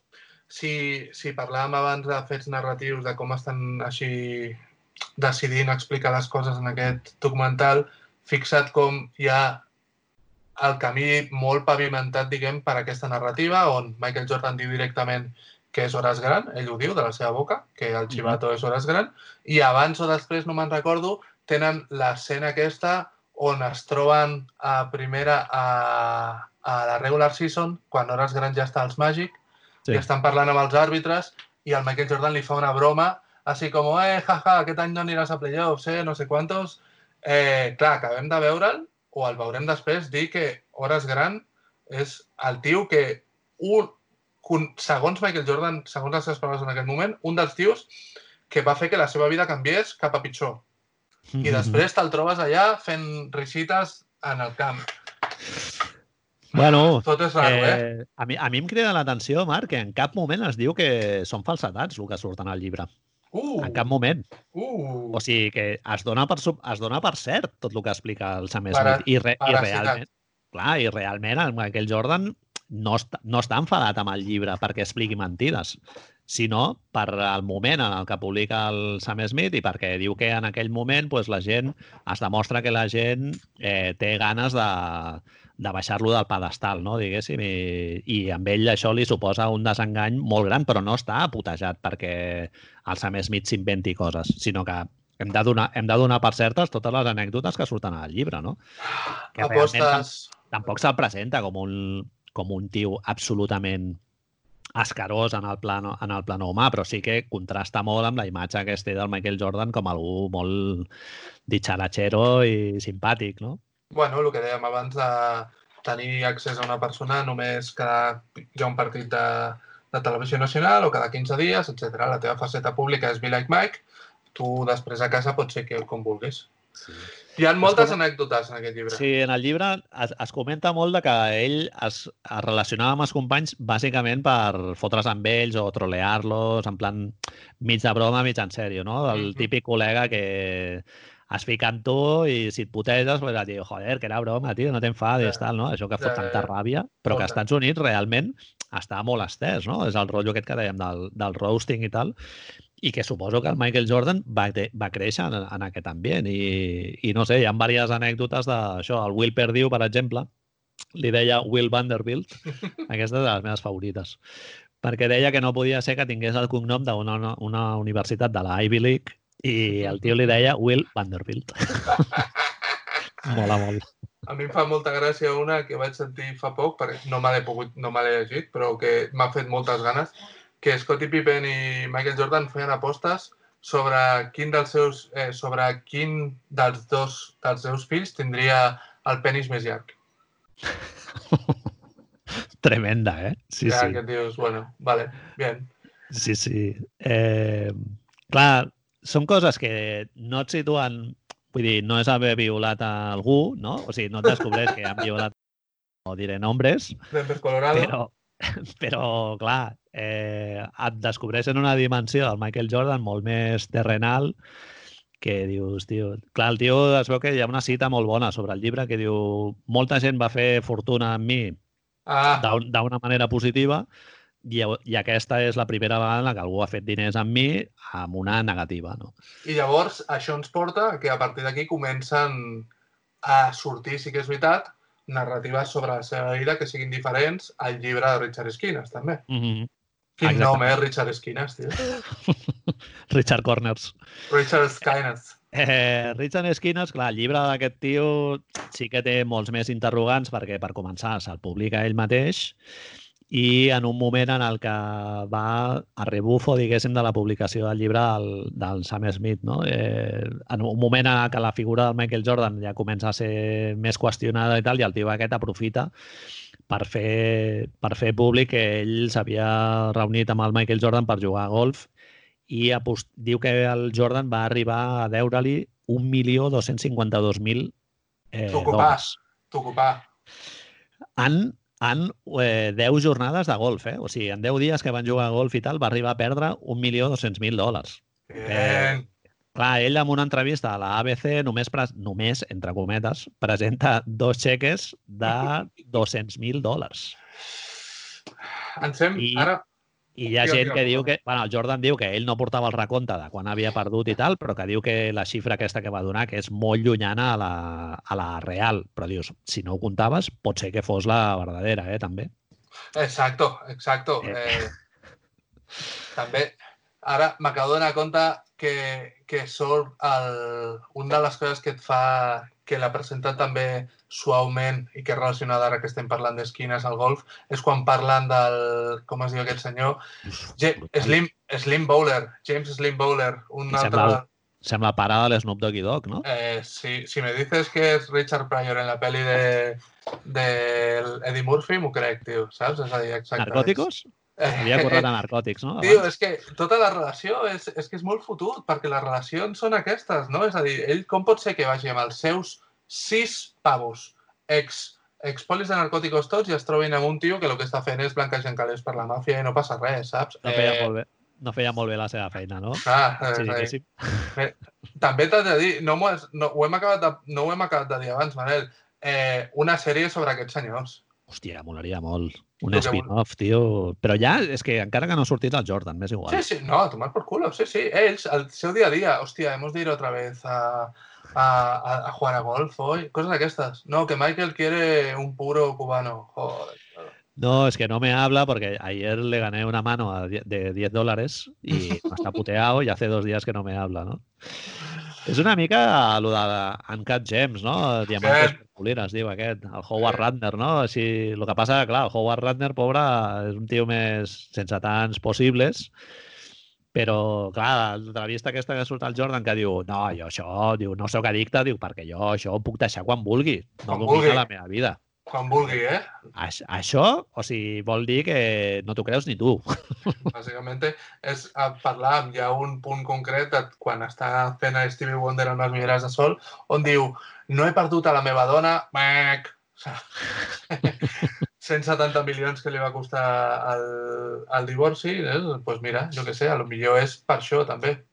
Clar, tio, a veure, si, ap- si apostés, realment si apostés, perquè clar, aquí el elefante en l'habitació, diguéssim, o la pregunta no resolta, que es menciona molt de passada en el, de passada en el documental és si aquesta afició del Michael Jordan per les apostes la va És- portar al bàsquet professional, Ai! no? que, és un, que és un melón per obrir absolutament brutal. I que, I que ja si et poses a tirar més endavant és relacionar la mort del, del Uh, pare Ara, a veure, un amb- moment, un moment, un moment, amb un moment, aquest- un moment, un moment, no, un moment, un moment. Que no està al guió, això, Marc. Per això t'ho dic, però presentem-ho per, per tots aquests que dius que no ens, que no ens coneixien. Ara Ja, ja, Manel. Manel, hi ha una Amb lo del Petit teoria, Galerí l'han apagat al podcast, ja, Marc. hi ha una teoria molt maca que no veurem al podcast i que la gent que no conegui tant... Perdó, que no veurem a de les dents, que la gent eh, pot investigar per internet i que és una de les... Com podríem dir-li? Segurament és una de les coses de, de tota la història de la NBA més fosques i a la vegada més interessants de la història, que parla de que, com tu ara ens explicaràs, el pare de Michael Jordan va ser assassinat en relació amb el seu fill. Clar, ajuste de cuentas. Sí, és una teoria conspiranoica que no té cap mena de eh, fonament demostrat, diguéssim, que és que eh, el David Stern eh, va obligar el Michael Jordan a retirar-se durant, durant dos anys perquè el seu pare, perquè el David Stern en teoria va saber eh, o va accedir a algun informe policial o alguna en el que es demostrava que la mort del, Michael, del pare del Michael Jordan estava relacionat amb, les, amb els deutes de joc que tenia el Jordan amb la màfia. És a dir, que és com, recordem que ara... Tot això ale mica- allegedly, eh? Sí, No, sí, que, que nadie... repetim que no té cap mena de, de base demostrada, diguéssim. Eh, també és veritat que David Stern era especialista al Chelsea en tapar escàndols, Cert. amb la qual hi ha moltes coses que no us coneixerem mai, de les que David Stern eh, va aconseguir posar sota la catifa, perquè si jo ara dic el nom de Tim Donahue, hi ha molta gent que segurament no sap qui és. I això vol dir que David Stern feia molt bé la seva feina. També és veritat, Manel, que, com parlarem ara una mica més endavant de les visites a la Casa Blanca dels Bulls, Michael Jordan, a la primera visita a la Casa Blanca, ell no va. Això es pren com un acte polític, quan en realitat després ens entarem que ell el que estava fent era gambling, apostar, no sabem què, amb gent que segurament estaven dins de la màfia.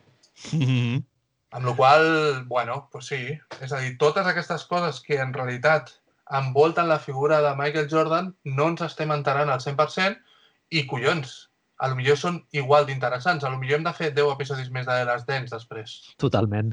Saps? Bueno, ja, ja, si busques a la xarxa, ara no en parlarem en profunditat perquè esperem que en algun moment o altre de la sèrie en surti, però el, el cas perquè de l'assassinat hora. el cas de l'assassinat del pare de Michael Jordan no, no va quedar no va, va quedar amb molts interrogants en l'aire. O sigui que, Correcte. clar, la teoria conspiranoica no, no la van no la van resoldre perquè, o sigui, no la van eh, falsejar perquè hi ha molts interrogants en l'aire. Si investigueu una miqueta, hi ha molts articles a internet i tal, i bueno, ja en, parla, en parlarem amb una mica més de calma. Espero.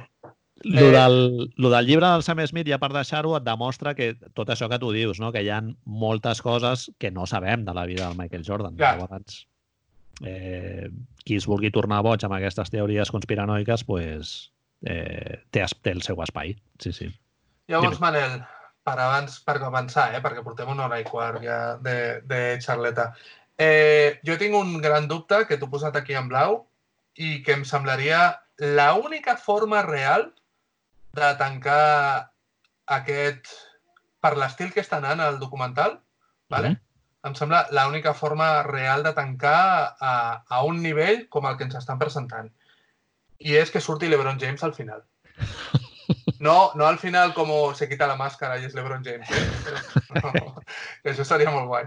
Però, però cada cop estic dubtant i a la vegada pensant més que a lo millor pot sortir LeBron al final parlant, dient que Michael Jordan és el millor, bla, bla, bla, no sé cuántos, una entrevistita con él allí, con su pañuelo, con su durrac, i dient obertament que no hi ha debat i totes aquestes coses. Jo no sé si ho veig, eh, Marc? Ja he vist que posaves la pregunta al guió. Mira, et dic per què, tio. El, el documental és un massatge Pues, eh, de 10 episodis de la figura del Michael Jordan. correcte. Vale? I en teoria, si tu te'n recordes de en quin moment el Michael Jordan va decidir tirar Sí, endavant amb sí, el, sí, sí, amb el sí, sí, projecte, sí, sí. just, Sí, és sí, sí. just en el moment que la, en el fandom NBA, diguéssim, molta gent començava a dir que el, el LeBron James era el millor jugador de la història, no? I en aquell moment, el, suposadament, el Michael Jordan va dir bueno, ara traurem el documental aquest perquè les noves generacions S'entenen. eh, s'enterin, no? Eh, Kobe Bryant, que era un jugador amb el que ell tenia una relació molt més estreta de la que té amb el LeBron James, pràcticament no ha sortit en el, en el Bueno. documental. Ha sortit ara molt de passada i podrien haver, li podrien haver donat molta més canxa a l'entrevista que li van fer amb el Kobe i tal. Tu creus que ha sortit massa, no? Igualment. Va, bueno, les imatges, les imatges de l'Star són maquíssimes. I a Ah. més, i parla, et parla un altre cop, parla molt bé de com estan fent el documental independentment dels temes. És a dir, el fet de fer servir el Madison Square Garden com a element narratiu durant l'episodi 5 és superguai. Comences al Madison Square Garden a amb l'All-Star, fas el salto a la temporada actual i tornes al Madison Square Garden. És molt xulo com estan fent totes aquestes coses. I Mhm. està clar que començar... No sé si Kobe, Kobe havia de sortir i crec que ho han trobat molt bé, com han fet sortir-lo.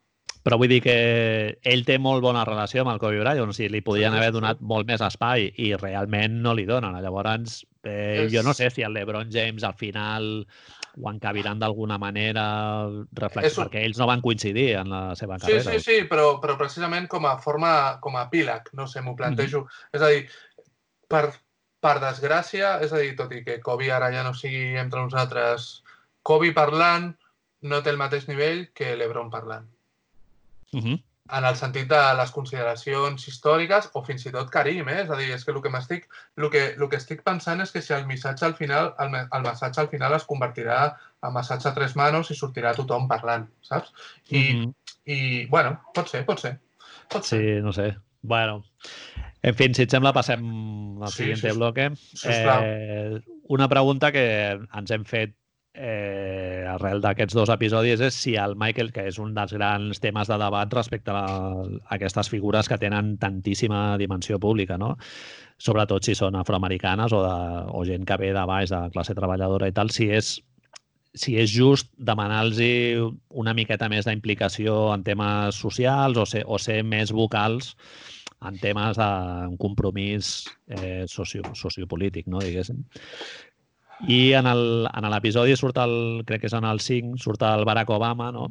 Sí, sí, sí. i comenta això, de que la societat americana accepta sense cap problema figures afroamericanes que no generen controvèrsia i en el moment que assumeixen unes, un cert posicionament eh, polític o, o demostren ser més conscients a nivell social, doncs la societat americana ja no és tan tolerant no? amb aquestes figures. Em va semblar una cita superinteressant. Fixa't que hi ha fins i tot un terme despectiu per referir-se a, a, des, de, des dels els caucàsics americans, parlen de tio Tom, és a dir, Mhm. de l'Uncle Tom de de d'esto, saps? És a dir, per referir-se a aquest tipus de...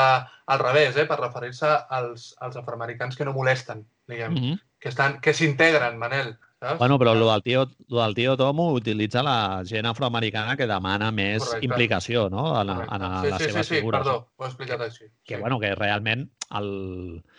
ara parlarem d'un article del, del Sam Smith que va fer que és, que és eh, això que comentava de que el Michael Jordan en un cert moment de la seva carrera, sobretot en aquest episodi que surt en el documental de les eleccions entre el Jesse Helms i el i l'alcalde de, de Charlotte, que no me'n recordo com es diu, Eh, sí, eh, a Craig, Craig Nam es deia?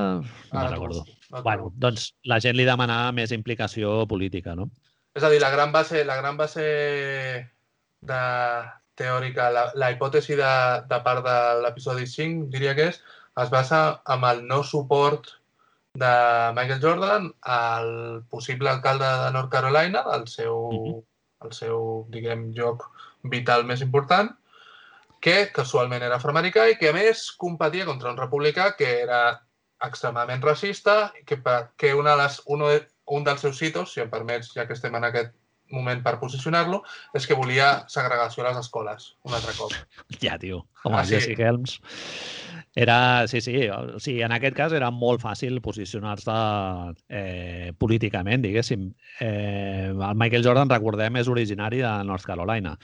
I la mare, personalment, li va demanar... bueno, tot això surt en el documental. Sí, sí, sí, és, sí, sí. és interessant que almenys eh, et generi aquest, aquesta pregunta, tot i que després ells s'encarreguen de respondre-la d'una manera en la que excusen el, el Michael Jordan, no? Correcte. però, però almenys generen aquesta pregunta que un espectador eh, pel seu costat no et compri la narrativa que et ven el documental i digui, hòstia, pues, oye, en aquest cas es podria haver posicionat, no?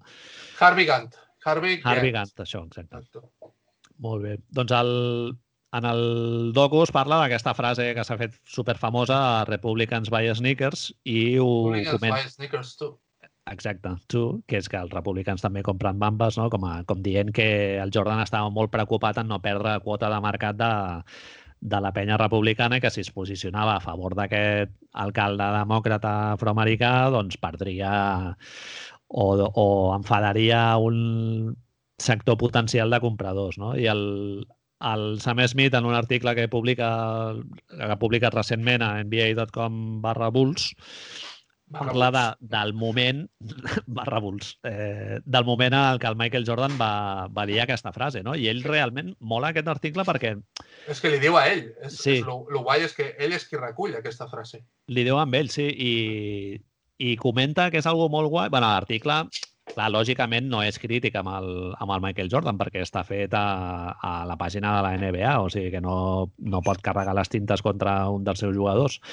I el tio explica que el Michael Jordan era un gran aficionat a les, a les rivalitats a nivell verbal, no? que era un tio que disfrutava molt amb el toma i daca a- a nivell verbal i en aquest cos a cos, eh, aquest enginy verbal, no? I, amb el, i amb el Sam Smith era un tio amb el que tenia molta relació en, en aquest sentit. No? Que ell li agradava molt quedar-se amb l'última paraula, sempre. Exacte. No? I, sí, i el, i el Sam Smith comenta això, de que, de que posa en context aquesta no implicació del Michael Jordan en temes socials dient que era algo molt extès a, a la NBA als anys 80, Correcte. dient que el David Stern, quan pren, quan pren el control de, de la comissió de la NBA, diguéssim, quan és el representant de tots els propietaris, eh, la NBA té un problema d'imatge molt gran i prenen l'acord tàcit amb els jugadors de no fer declaracions controvertides a, a cap nivell, diguéssim, ni sociopolític, ni proporcionar escàndols de drogues, ni d'alcohol, però una, una part d'aquest acord és el de no posicionar-se a nivell polític, no? Eh, I clar, el Michael Jordan fa el mateix que fan tots els altres jugadors. El que passa que el Michael Jordan també és cert que té una dimensió pública molt més gran que la dels altres jugadors.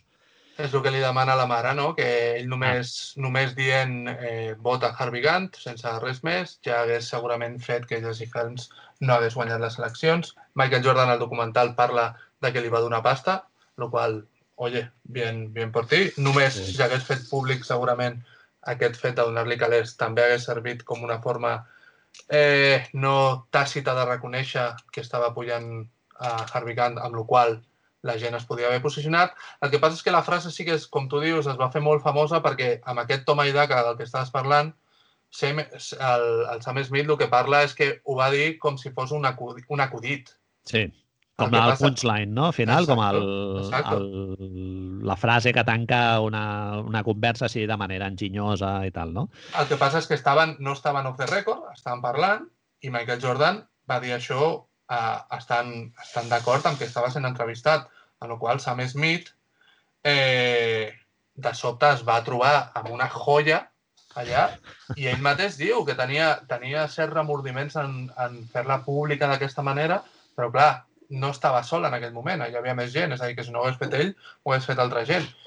I aquesta frase es va convertir en algo molt polèmic. Clar. Sí, sí que és veritat que és una mica injust per això demanar-li al Michael Jordan algo que no van, que no van fer cap altre jugadors, no? El, en el, no sé si m'ho vas comentar tu o, o surt en l'article aquest del Sam Smith o he llegit a un altre lloc, el Karim Abdul-Jabbar, per exemple, un jugador que al finals dels 60, principis dels 70 estava molt posicionat i havia fet rodes de premsa amb el Mohamed Ali i tal, i de fet no va anar als Jocs Olímpics de l'any 68 per, per, per una qüestió de lluita pels drets civils, drets racials i tal, eh, als anys 80 el Karim Abdul-Jabbar no feia declaracions posicionant-se políticament.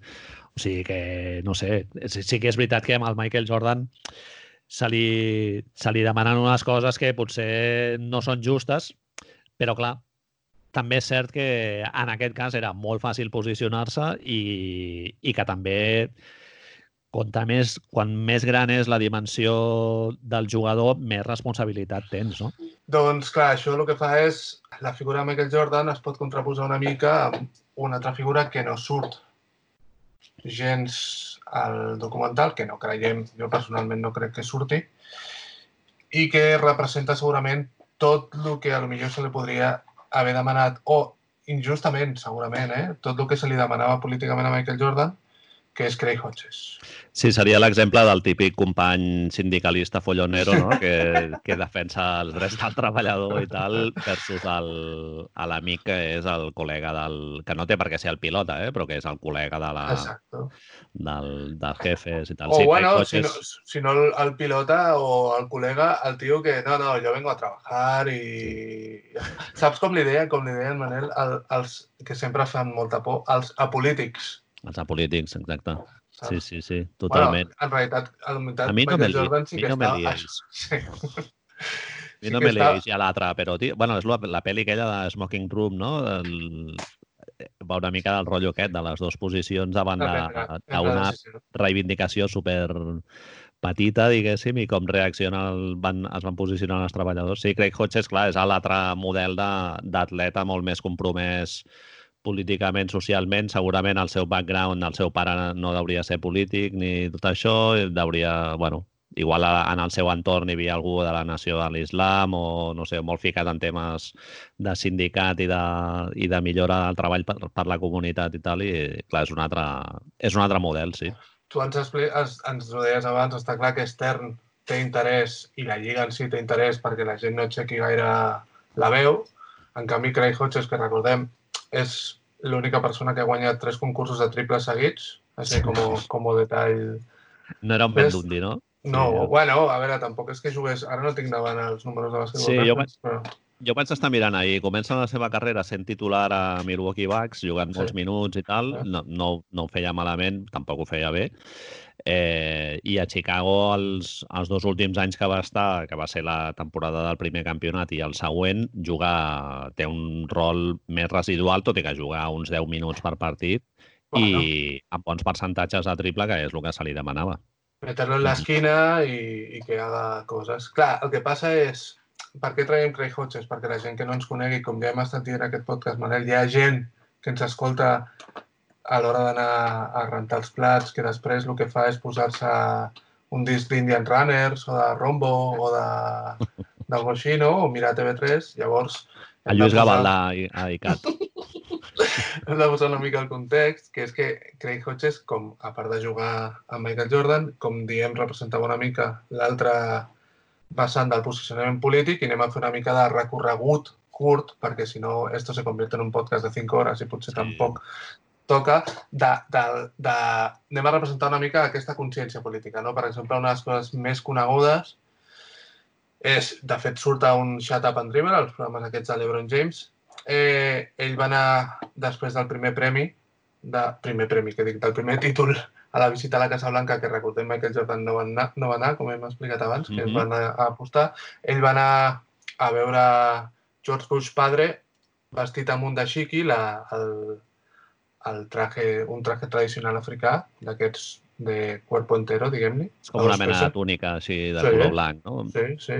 En realitat el pots fer de molts colors, però ell va anar de blanc i el més important, va portar una carta de vuit pàgines adreçada al senyor president de la nació, mm -hmm. on bàsicament... En aquell moment, recordem que en aquell moment era George Bush pare. Pare. Sí, eh, republicano. Exacto, eh, así, del puño cerrado, també. Sí. Eh, ell, ell explica, perquè la carta més es va filtrar, que, que el, el propòsit d'aquesta carta era fer-li una mica arribar els pensaments i les consciències dels, natius americans, dels sense casa i més específicament, deia ell, dels afroamericans que no tenen la possibilitat d'arribar a on estava ell, parla de ser descendents esclaus, bla, bla, bla, tot això. Les, les víctimes del sueño americano, Marc. Com ho veus, això? Els oprimits, no? Diguéssim, o sigui, ell barreja una mica minoria de raça amb minories de classe, no? La gent pobra també parla, no? Gent sense sostre lo divertit de tot això és que com ell va arribar amb la seva carta, amb el seu així, que hi ha algunes imatges força així maques d'ell donant-li la carta i tot. Crida molt que... l'atenció quan veus la foto i claro. veus el, un senyor vestit d'una manera no occidental, van tots allà amb la, amb la gorra i tal, sí, sí. I que més, i que més ella es va dedicar, perquè el, li fan el, fan el paripé, hi ha una cistella allà a la Casa Blanca, el tio es va dedicar a fotre triples i els va fotre davant del pare i el pare es va quedar flipat. L'anècdota així una mica que explica Craig Hodges de tot això és que estava el fill George Bush fill, que després, recordem, va ser també futur, president. Futur president, anava a dir, per, sí, per sí. al·lucinant que sembli per l'anècdota que explicaràs ara. Sí, sí, sí. I Craig Hodges explica que ell està amb el seu de xic i tal. George Bush, George Bush fill es veu que estava super, super content de trobar-se als Bulls, concretament de trobar-se a Jordan, i estava una mica decepcionat quan va veure que Michael Jordan no hi era, i, i que es veu que Craig Hodges explica, com dèiem, que se li va apropar i parlant així com molt lento i molt alto, li va preguntar d'on era. Saps com? O a, a lo millor segurament li va donar un, un got buit directament i li va dir que el tornés a, a la cuina, no? O alguna així. Potser que va veure al principi de Zamunda. És el que t'anava a dir, és que a lo millor estava així, a lo millor no s'havia sentit. Eh, una I es pensa que Zamunda és un país, George Bush Jr., George W. Clar, tio, és a dir, este és el nivell. Are, li pregunta where are you from i l'altre diu Chicago Heights, Illinois, no? I clar, l'altre... Chicago al, a Craig Hodges. L'altre fa com, ups, no? I, I com per no donar-li excessiva volta a tot això, sí que és veritat que hi ha, hi ha moments concrets de, de... que s'expliquen, Craig Hodges té un llibre, uh -huh eh, on explica parts de tot el seu viatge a la NBA i tot aquest recorregut polític, i ell fa una mica d'incapié d'importància en tot el moment de quan Rodney King va ser apallissat. Mm -hmm. És a mhm. dir, tots els disturbis socials i, i, i bueno, com va afectar això, com intentava afectar o com podia afectar els jugadors afroamericans a la Lliga. Ell parla que, que el que li va, va demanar al, tant a Magic Johnson com a Michael Jordan a la, al principi de les finals és de fer un boicot a les finals. Que directament no, no jugués.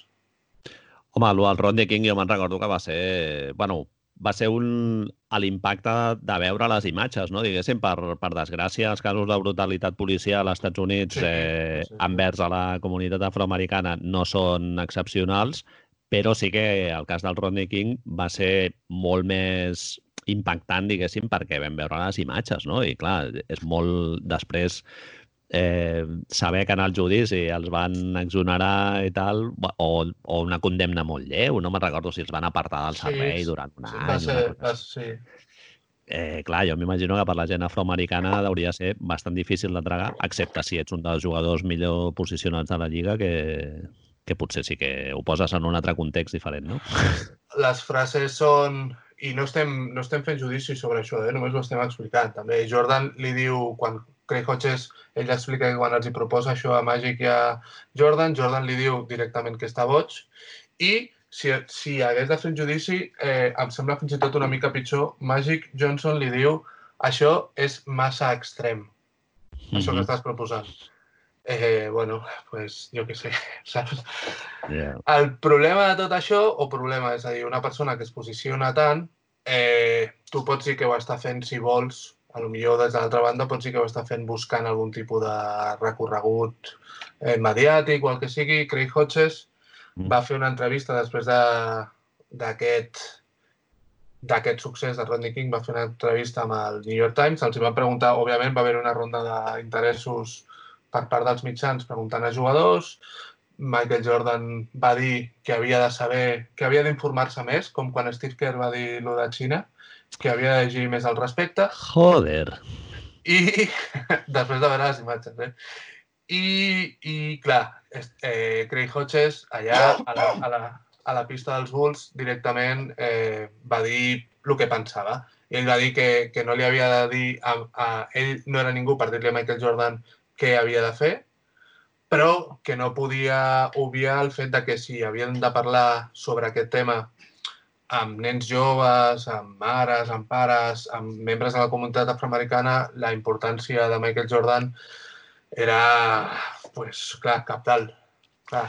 Tens una responsabilitat com a... Si, a veure, si t'agrada que comprin les teves bambes i ser un producte, també tens una certa responsabilitat, no?, per mantenir... Jo crec que forma part de la teva, de la teva imatge, també, posicionar-te a favor de lo que és just, no? O sigui, ja no és rotllo posicionar-te a favor dels afroamericans perquè sí, diguéssim, dient que són millors que els blancs o el que sigui, però denunciar una injustícia com, com la que va ser el cas del Rodney King, jo crec que això sí que li podem demanar un, un jugador, sigui el Michael Jordan, Magic Johnson o qui sigui, eh? eh jo abans et preguntava sobre l'Ebron James, si creus que sortirà l'Ebron James podem jutjar-ho o podem no jutjar-ho, eh? perquè ja et dic, no crec que es tracti de jutjar-ho, sinó de presentar els fets així i, i bueno, home, podem jutjar una mica, no? Que collons, no passa res. Eh, L'Ebron James, de la manera que sigui, de la manera sui generis que vulguis o de la manera més o menys activa que vulguis, sí que s'ha dedicat a posicionar-se una mica amb tots aquests fets. Abans d'ahir mateix, un, un noi afroamericà a Georgia estava fent footing i se'l van carregar dos paios. Mm -hmm. Així... Dos supremacistes blancos, terroristes. Sí, per ser, per ser blanquitos. I, I ell mateix, doncs, bueno, es van, ha fet això que és també, que avui dia és molt, no sé l'efectiu que vulguis que sigui, però va agafar el megàfono, no? es va anar a Twitter i el fet de, i a l'Instagram, suposo, el fet de tenir milions de seguidors a les xarxes socials, fa que el seu missatge s'amplifiqui i va dir el que pensava i ho diu sense, ho diu sense gaires tapujos, eh? Això està... I segurament a tots els, a tots els propietaris de la Lliga no els hi fa gaire gràcia eh? que el Gens. James es posicioni d'aquesta manera o, bueno, recordem també que va tenir un posicionament bastant explícit amb, quan va passar allò de Ferguson, no? Allò de Black Lives, sí, el, sí, el sí, moviment sí. de Black Lives Matter i tal, molts jugadors sí, sí, sí. van sortir amb la samarreta d'I Can Breathe i tal, sí, sí, sí. Que, que era algú que ens va cridar molt l'atenció els que seguíem la NBA des de feia molts anys perquè va, va ser com algú bastant inaudit, no? Nosaltres no, no havíem vist un jugador, excepte casos així supercomptats com el Mahmoud Abdul Rauf o el Craig Hodges, no havíem vist jugadors posicionant-se d'aquesta manera. A aquest mm -hmm. nivell. No, clar, és el fet et fa pensar si els temps han canviat, òbviament, Stern ja no està entre los vivos i a lo millor Stern controlava tot això amb una mica més de mano dura, no ho sabem, però sí. està clar que, que els jugadors ara aprofiten l'altaveu, no? És el que hem dit sempre de la marca personal i tota la moguda aquesta. Sí, jo és el que, el que vaig posar per aquí el guió, que crec que tant la posició del LeBron James com la del Michael Jordan en el seu moment reflexen una manera d'operar a nivell de d'imatge corporativa, diguéssim, no? de relacions públiques. En el moment del Michael Jordan, els jugadors estaven molt centrats en netejar la imatge de la NBA i centrar-ho molt en temes esportius, i potser en temps més recents, en els últims 10 anys, doncs la NBA ha vist la seva oportunitat de consolidar una marca construïda sobre uns valors molt, molt més progressistes i, i ja no està en aquesta necessitat que tenia a principis dels anys 80 de, de centrar molt la seva imatge en l'esport, no? I, Totalment. i clar, eh, el Lebron, no és que el LeBron James hagi demanat permís per, per parlar i tal, suposo, que potser sí, eh? Però sí que és veritat que les seves paraules no han, no han despertat tanta controvèrsia i, i no només això, sinó que jo crec que l'ha beneficiat a nivell de, de la seva imatge, no? diguéssim. Sí, Així com a sí, Michael sí. Jordan molta gent es va ficar amb ell i tal, doncs el LeBron James molta gent l'ha aplaudit i bueno, ja, suposo que hi haurà hi haurà gent que segueix la NBA que l'haurà criticat molt, però Total. no l'hem vist, no l'hem vist tant, no? Els, els mitjans són molt més eh, propers als valors eh, demòcrates progressistes, diguéssim, que no als republicans, tot i que després hi ha franquícies sí, que tradicionalment les hem associat als valors republicans, no? Sí. De Jazz, eh, Oklahoma, sí, Milwaukee... Sí, sí. El, sí que és veritat que, com ben dius, és possible, i no estem defensant Jordan amb això, però és, és molt possible que els temps, ara fins i tot comercialment, et demanin ser més, més obert, més conscient. Exactament, ben, això és el que volia més, dir, sí. sí mm -hmm. ben, ben més, sé si ets un, un noi conscient que està per la teva comunitat i a lo millor també sí que és veritat que han aconseguit que la comunitat afroamericana es vinculi molt més amb el joc que el que ho feia als 80 i als 90, on recordem eh, no, no és el mateix. Mm -hmm. llavors, sí. llavors, es pot jutjar? No, no ho sé. Es pot comparar? Bueno, no ho sé. No, és, és, són, jo crec que, òbviament, se, se li podria haver demanat a Michael Jordan molta més, molta més implicació, no sé, però algo de ser més vocal, doncs a lo millor, a lo millor ens haguéssim carregat la seva carrera com va passar amb Colin Kaepernick a la NFL, a lo millor. Clar, a veure, però el del Colin Kaepernick, el seu posicionament és molt més, eh, com ho diria, audaç, diguéssim, o molt més eh, controvertit que no pas denunciar una injustícia o en un cas tan clar com el del Jesse Helms, no? que és algú sí. que és un racista i tal. O sigui, sí, sí. Eh, vale que tu sacrificaràs, igual hi ha una part de la gent que compra els productes que tu sponsoritzes que ho deixarà de fer perquè tu et posiciones a favor d'un candidat demòcrata versus un... És que no és escollir demòcrata versus republicans, sinó és un tio progressista versus un racista, un tio que és un racista, bàsicament. Jo, en Llavors, realitat, en o, realitat o denunciar-lo del Rodney, clar, sí, o denunciar-lo del Rodney King, no? O sigui, tampoc... Clar, el del Magic Johnson, hòstia, això és massa extrem, vale? però fem alguna cosa o al final és que no fas res. O sigui, dius que això és massa extrem i al final els jugadors no, no van fer cap mena de declaració. No sé. Eh, és, és el, el, el mantra de l'Estern jo crec que sempre va ser una mica deixar córrer l'aigua fins que s'oblidés, és a dir, el, a tancar els, els cicles de les notícies, que és una cosa que els encanta als politòlegs americans, això de deixar córrer aigua fins que aparegui algú següent, com si el de Rodney King no fos lo suficientment important. Ah, és, segurament, Manel, si, si és, és recomanable en aquest moment, perquè no l'hagi vist, ja que estem a veces de recomanacions, que la gent, si pot, vegi d'ESPN també el documental sobre l'O.J. Simpson, no? Perquè sí, parla molt de tot això que estem parlant ara. Sí, el cas, bueno, aquest cas, aquest, aquest tema que sempre està subjacent en qualsevol aspecte que tu analitzis a la societat americana, no? que és l'aspecte racial, i, el, i, com, i en el documental aquest es veu molt bé com es lliga el cas de l'O.J. Simpson amb el del Rodney King, no? del, d'anys i anys de brutalitat policial a, a Los Angeles i com això acaba beneficiant a l'O.J. Simpson en el, en el seu judici. No? El, el seu equip d'advocats juga molt bé la carta racial i els hi acaba sortint bé i acaben compensant una injustícia amb una altra injustícia. O sigui, sí, sí. És, és molt, està molt ben fet aquell documental, sí. Molt bé. Eh, estàvem, fèiem una mena de repàs, ens havíem fet una mena de repàs. A mi m'agrada força del el documental. Bueno, perdona, deixa'm que et digui per tancar Craig Hodges. En dos, Sí, anys va estar fora, en dos anys va estar fora de la Lliga. uh -huh. És a dir, aquest mateix any, després de fer aquestes declaracions que hem dit sobre si Michael Jordan havia de tenir certa més responsabilitat, els Bulls no li van renovar, curiosament, Manel, Curiosament, eh? no li van renovar el contracte. Ja hem dit que potser era un jugador residual i potser no feia falta. Sí, tenia 32 anys quan, quan va passar això. Clar, potser ell també pren una, un posicionament més vocal també perquè diu, bueno, pues oye, de perdidos al río, no? Ara queda allò, aprofito la, repercu la repercussió que tinc ara i tampoc no estic arriscant una posició molt privilegiada, pues aprofito per... Tot i que és just dir que ja s'havia posicionat políticament abans, eh? O sigui, Sí. ell va guanyar un concurs de triples i tal i ja va sortir amb una bomber Sí, ja d'una explicat organització... Ah, ja, ho- ja ho vaig explicar, exacte. Sí. sí, sí que no sabia si havia quedat en l'aire o no. Perdona, perdona. No havia quedat enregistrat. Doncs, bueno, sí. O sigui, un tio que es va, el, el van com deixar de banda amb 32 anys. Que Ah, perdona, és sí, per sospitar, però... Manel, perdona, explica'ns-ho bé, que em sembla que ho hem tallat. Sí, Sí, oi?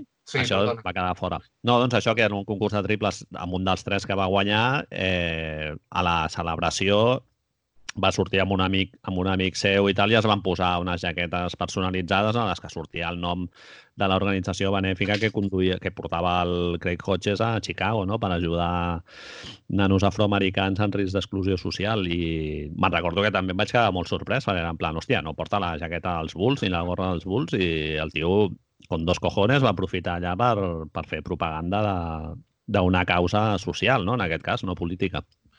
Eh, com, com era d'imaginar, Craig Hodges explica que amb l'únic que va tenir certa relació vers aquests temes amb tota la plantilla dels Bulls és amb Phil Jackson, Uh -huh. que podien parlar hores i no sé quantos i no sé què més, i tenia Phil Jackson, òbviament, tenia aquesta consciència social doncs, una mica més desenvolupada. També et dic, Manel, després de llegir això vaig pensar doncs Phil Jackson potser podia haver, podia haver dit alguna cosa també, no? Sí, sí. Sí, el Phil Jackson sempre ha tingut un, un paper més associat a temes espirituals, diguéssim, que no tan polítics, no? O sigui, el, el seu posicionament polític l'hem donat una mica per suposat perquè era molt col·lega del Bill Bradley, no? aquest jugador dels, dels Knicks que va acabar sent candidat eh, demòcrata a les primàries, em penso, i també va ser governador de, de l'estat de Nova York durant molt de temps i tal. Però no és un tio que hagi fet declaracions molt No. així arriscades, no? A nivell temes polítics o socials.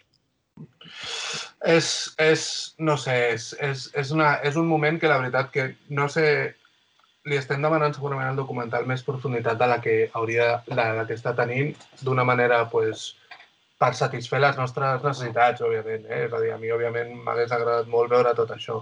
Però també és veritat que hi ha altres coses que són força guais. A mi em va agradar... Eh, què te parece? Este, este Sí, giro esta hago? transición. Bien. Copernicano. Em va agradar molt al principi del 5, tio, quan surt David Folk, la gent, i bàsicament, el que deia, em sembla que ho dèiem abans, eh, diu, anem a convertir a Michael Jordan amb David Meca amb un, amb un home anunci i que com els jugadors d'equip en aquell moment no estaven considerats com, com a... És una cosa supercuriosa que per nosaltres ara està supernormalitzat, no? Com, a, com un jugador del joventut, del Barça o del Madrid o d'on sigui, no pot fer anuncis de, pues, jo què sé, del que tu vulguis, perquè era un jugador d'equip. Quina cosa Mhm. més curiosa. Clar, jo, sí, sí, sí. El rotllo de mm, personalitzar eh, la figura d'un tio que forma part d'un esport col·lectiu, no? Diguéssim, o sigui, posar l'èmfasis en... Bueno, és un altre aspecte de la societat americana, no? L'individualisme, individualitzar els èxits en una sola, en una sola persona. Sí, al principi del... Em penso que és el capítol número 5, clar, és rotllo lo dels Beatles, no? Eh, Sí, sí, no sé. és, és, és això, eh? és que sembla És- fins i tot muntat. Clar, deu ser, tio, o sigui, algú absolutament aclaparador. I a més, clar, la, la fama del Michael Jordan, com quan es veu quan ve aquí a Barcelona i tal, és interplanetària, és que no, no et pots escapar, no és en plan, va, doncs me'n vaig a Barcelona i allà puc respirar una mica. No. Es converteix en el primer atleta que... bueno, no sé si el primer, però que diguem que això transcendeix en aquesta manera. Clar, òbviament les marques als Estats Units el converteixen en un, un home anunci i una de les coses que més ens preguntàvem, més enllà de les campanyes en si, que a més són segurament històriques per als Estats Units, algunes com la de Be Like Mike i això, clar, eh, Michael Jordan acaba guanyant més calés de Nike i les seves empreses que dels Chicago Bulls. Mm -hmm. Llavors, Sí. Això és un model per altres, per altres jugadors, perquè altres jugadors han seguit el camí d'ell i ingressen sí, més per, per ingressos per vies publicitàries que no per rendiment esportiu, no? els contractes de les franquícies. Bueno, que li hem de demanar a l'Ebron James fidelitat a un equip quan ell l'única fidelitat que té és a Nike? Clar, clar. És a dir, és Jordan, LeBron, totes aquestes mega superestrelles són team al que més em paga ho veiem clarament amb Jordan quan, quan està parlant al taxi aquell, tio, que, que diu que, que, que ell no ensenyarà el logo de Reebok, que se'l taparà. Hòstia. És que parla com si fos un, com si anés a posar una bomba sota sí. un cotxe, tio. Bueno, jo em pensava que anaves a dir que parla com si fos un executiu de Nike, directament, perquè és que, ja, clar, tio, és, veritat, és, és que el pavo, tio, allà indignat perquè indirectament estarà fent un patrocini d'una marca rival, no? Clar, el tio de Nike encantat, no?, de sentir el, ah. el compromís que té el Michael Jordan amb, el, amb la seva marca. És que va, és en plan, a veure, tio, si tu et paguen per jugar a la NBA d'allò i, no, i Reebok té el patrocini de l'altre, pues et fots el... I, I van allà amb la bandereta, tio, la sí, bandereta. sí. Potser som nosaltres que no ho entenem, això, i ell, ell té, com estem dient tots aquests tres podcasts ja, una altra mentalitat i, i és impossible per nosaltres de concebre-ho, eh? El millor és això, és tan senzill com això, no? Bueno, jo ho poso en aquest context d'aquesta aquesta mentalitat o aquest tret psicològic competit, ultracompetitiu i que el tio, doncs, les marques que sponsoritza, eh, agafa un compromís amb elles per fer-les grans que va molt més enllà del, de la simple transacció econòmica, no? sinó que el tio quan es fica amb Nike i tal, que ell, com diuen al documental, no, no volia iniciar la relació amb Nike, sinó amb altres, amb, sí, amb, amb altres sí, marques, amb Converse, amb Adidas, la seva mare el convenç i tal, i bueno, li fan un pitch bastant, bastant interessant, i ell al final d'allò, ell, o sigui, Nike ho, ho fa avançar al nivell que és ara, diguéssim, en, en part gràcies a la implicació del Michael Jordan amb sí. el disseny de les bambes, la relació que té amb el, amb el tio aquest, que en que ara no me'n recordo el seu nom, que és el gran dissenyador... El Tinker, Tinker Heifel. Tinker. Pues, ¿Te llamas que Tinker ja... de nombre o és, o és, és tu mote? Perquè llamar-se Tinker és una mica... no? Un senyor una mica excèntric, eh? Ens el va recomanar el Raül al, al programa aquest de la sèrie documental que es diu Abstract, que és sobre disseny i tal, i hi ha un capítol que va només sobre la figura d'aquest senyor i es parla una mica de passada també de la relació que té amb el Michael Jordan i tal, que, que com estava dient, era molt, molt estreta i que eh, el Jordan té gran part de responsabilitat del, del boom sí. empresarial que fa Nike com a, com a marca. No? A, a, a mitjans dels 80 Nike no era el que és ara, ni molt Correcte. menys. Eh, hi ha moltes costa, marques davant.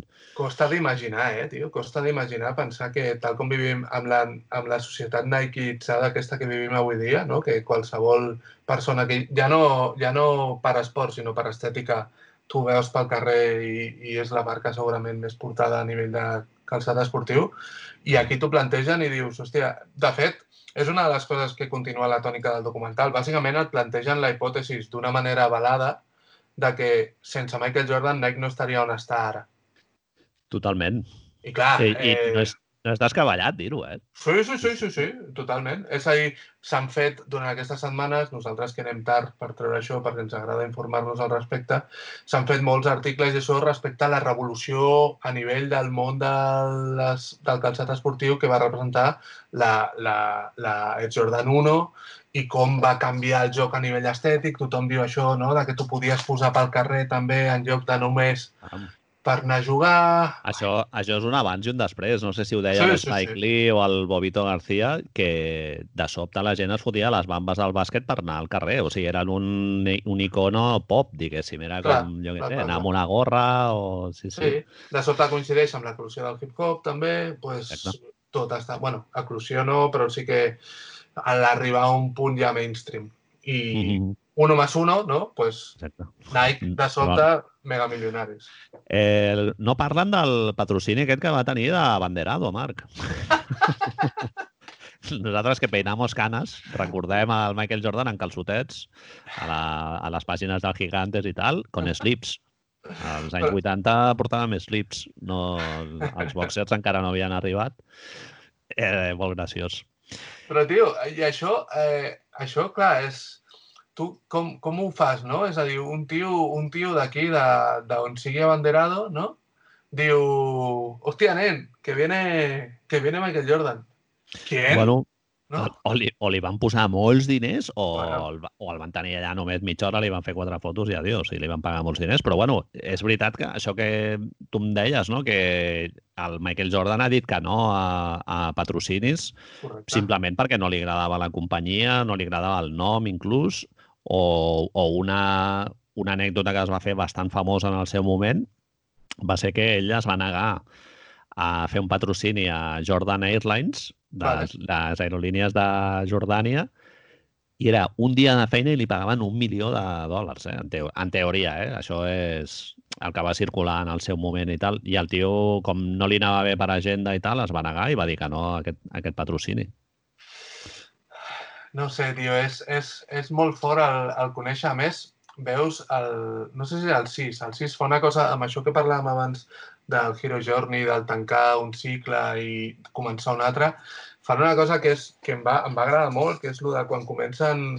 el document- L'episodi comença amb ell repetint tres cops, em sembla, una frase mentre estan rodant un anunci Sí. i mola que hi ha un moment en el que ja no se'l veu com gaire còmodo, perquè millor és la tercera o la sisena, o només és d'aquestes estrelles que diu jo hago una i me voy, ¿vale?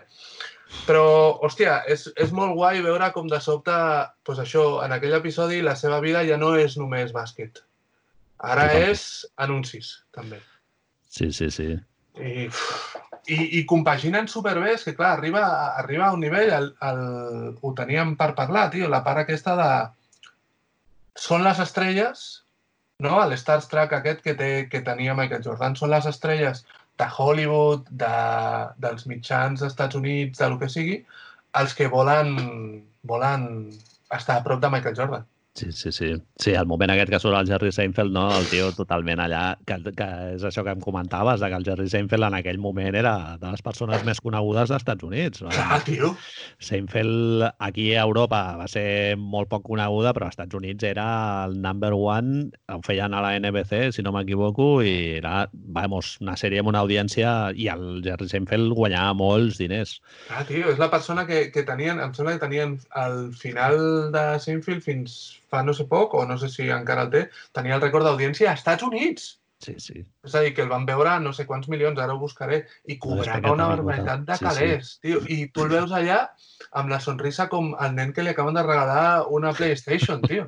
Un Scalèstric, o si ets més vell, o una Xbox si ets més jove, jo què sé, saps? Bueno, és rotllo com quan el Camarón de la Isla passejava per aquí per Singerlin i la gent anava, allà a que el toquessin. És, és rotllo divinitat, tio. O sigui, anar allà a veure si se te pega algo, los autògrafos i tal, clar, sí, sí. El desgast que pateix el Jordan eh, no ve només per la via esportiva, sinó que, clar, el tio, al moment aquest que està allà fumant el puro allà a l'habitació, no? que és l'únic moment en el que està tranquil, allà Sí. tancat a l'habitació, Sí, sí, mirant sí. la tele, i diu, tio, pues això és l'únic moment així de pau que tinc.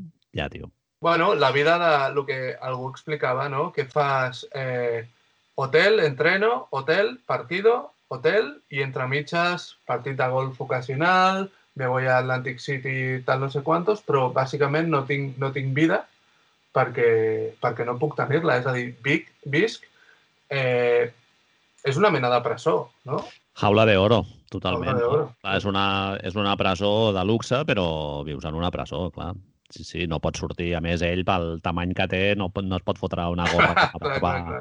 i anar-se'n al cine perquè no passaria desapercebut. Hi ha una anècdota, Marc, que no sé si l'he explicat, que vaig, vaig veure un vídeo amb el seu trainer personal que és un tio que ha treballat després amb el Kobe Bryant, amb el Dwayne Ahà. Wade, bueno, un tio que té, va, ha tingut molt de recorregut i va començar a treballar amb el Jordan a l'any 93, una cosa així. Aquest home treballava, no li pagaven els Bulls, sinó li pagava el Jordan i feia entrenaments personals amb ell, fora de temporada, dintre de temporada i tot.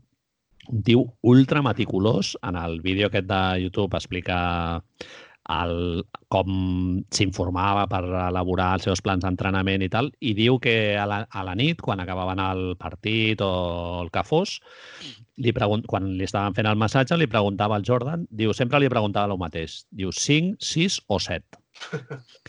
I el Jordan li feia el gesto 5, 6 o 7, no? I allò era l'hora a la que es trobaven al matí següent per fer el primer entreno.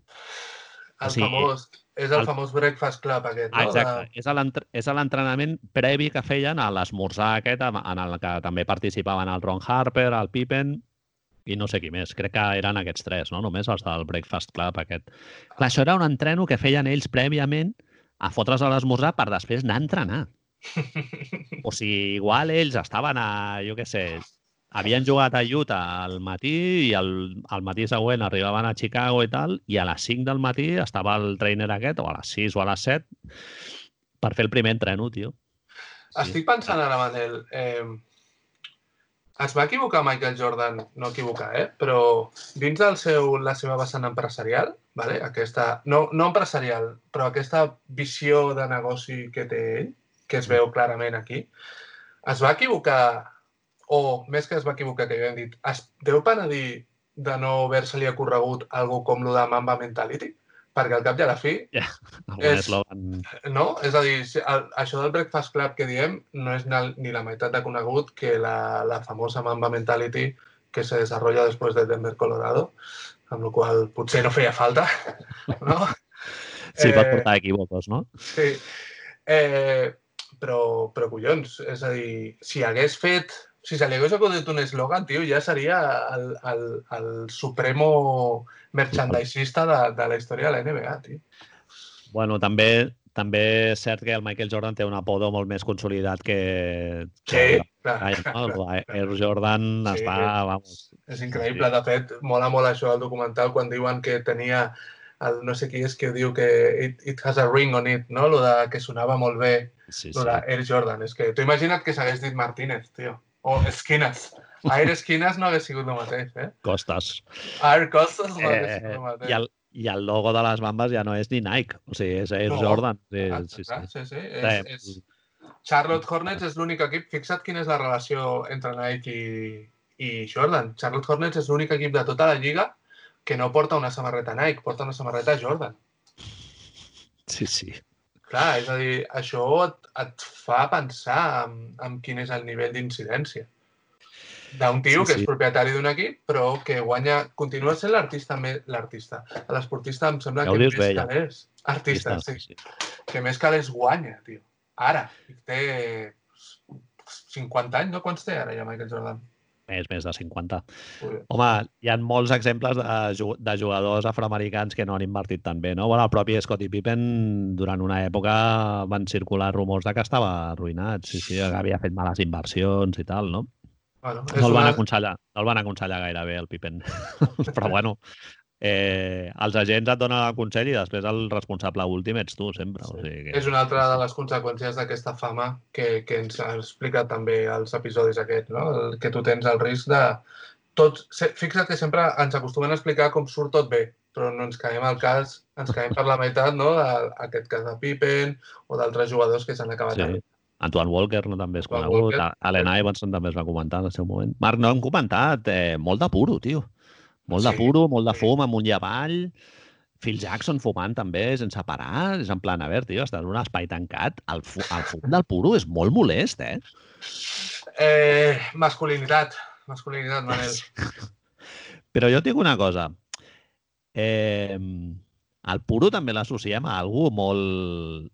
Vaya, rapidíssimament, que és eh, ricachón de merda capitalista, no? Si veus algú amb el puro i el... I el Nicolás Casaus. Clar, Nicolau Casaus o jo què sé, Tio Gilito, no? Tio O- Gilito. Ah, és el rotllo aquest... És, és, és aquesta onda, també, de... És- Lo he conseguido, És soc ric. heavy, sí, sí, és molt heavy que, que un símbol d'estatus sigui un puto puro, tio, que dius, bueno, jo què sé, saps?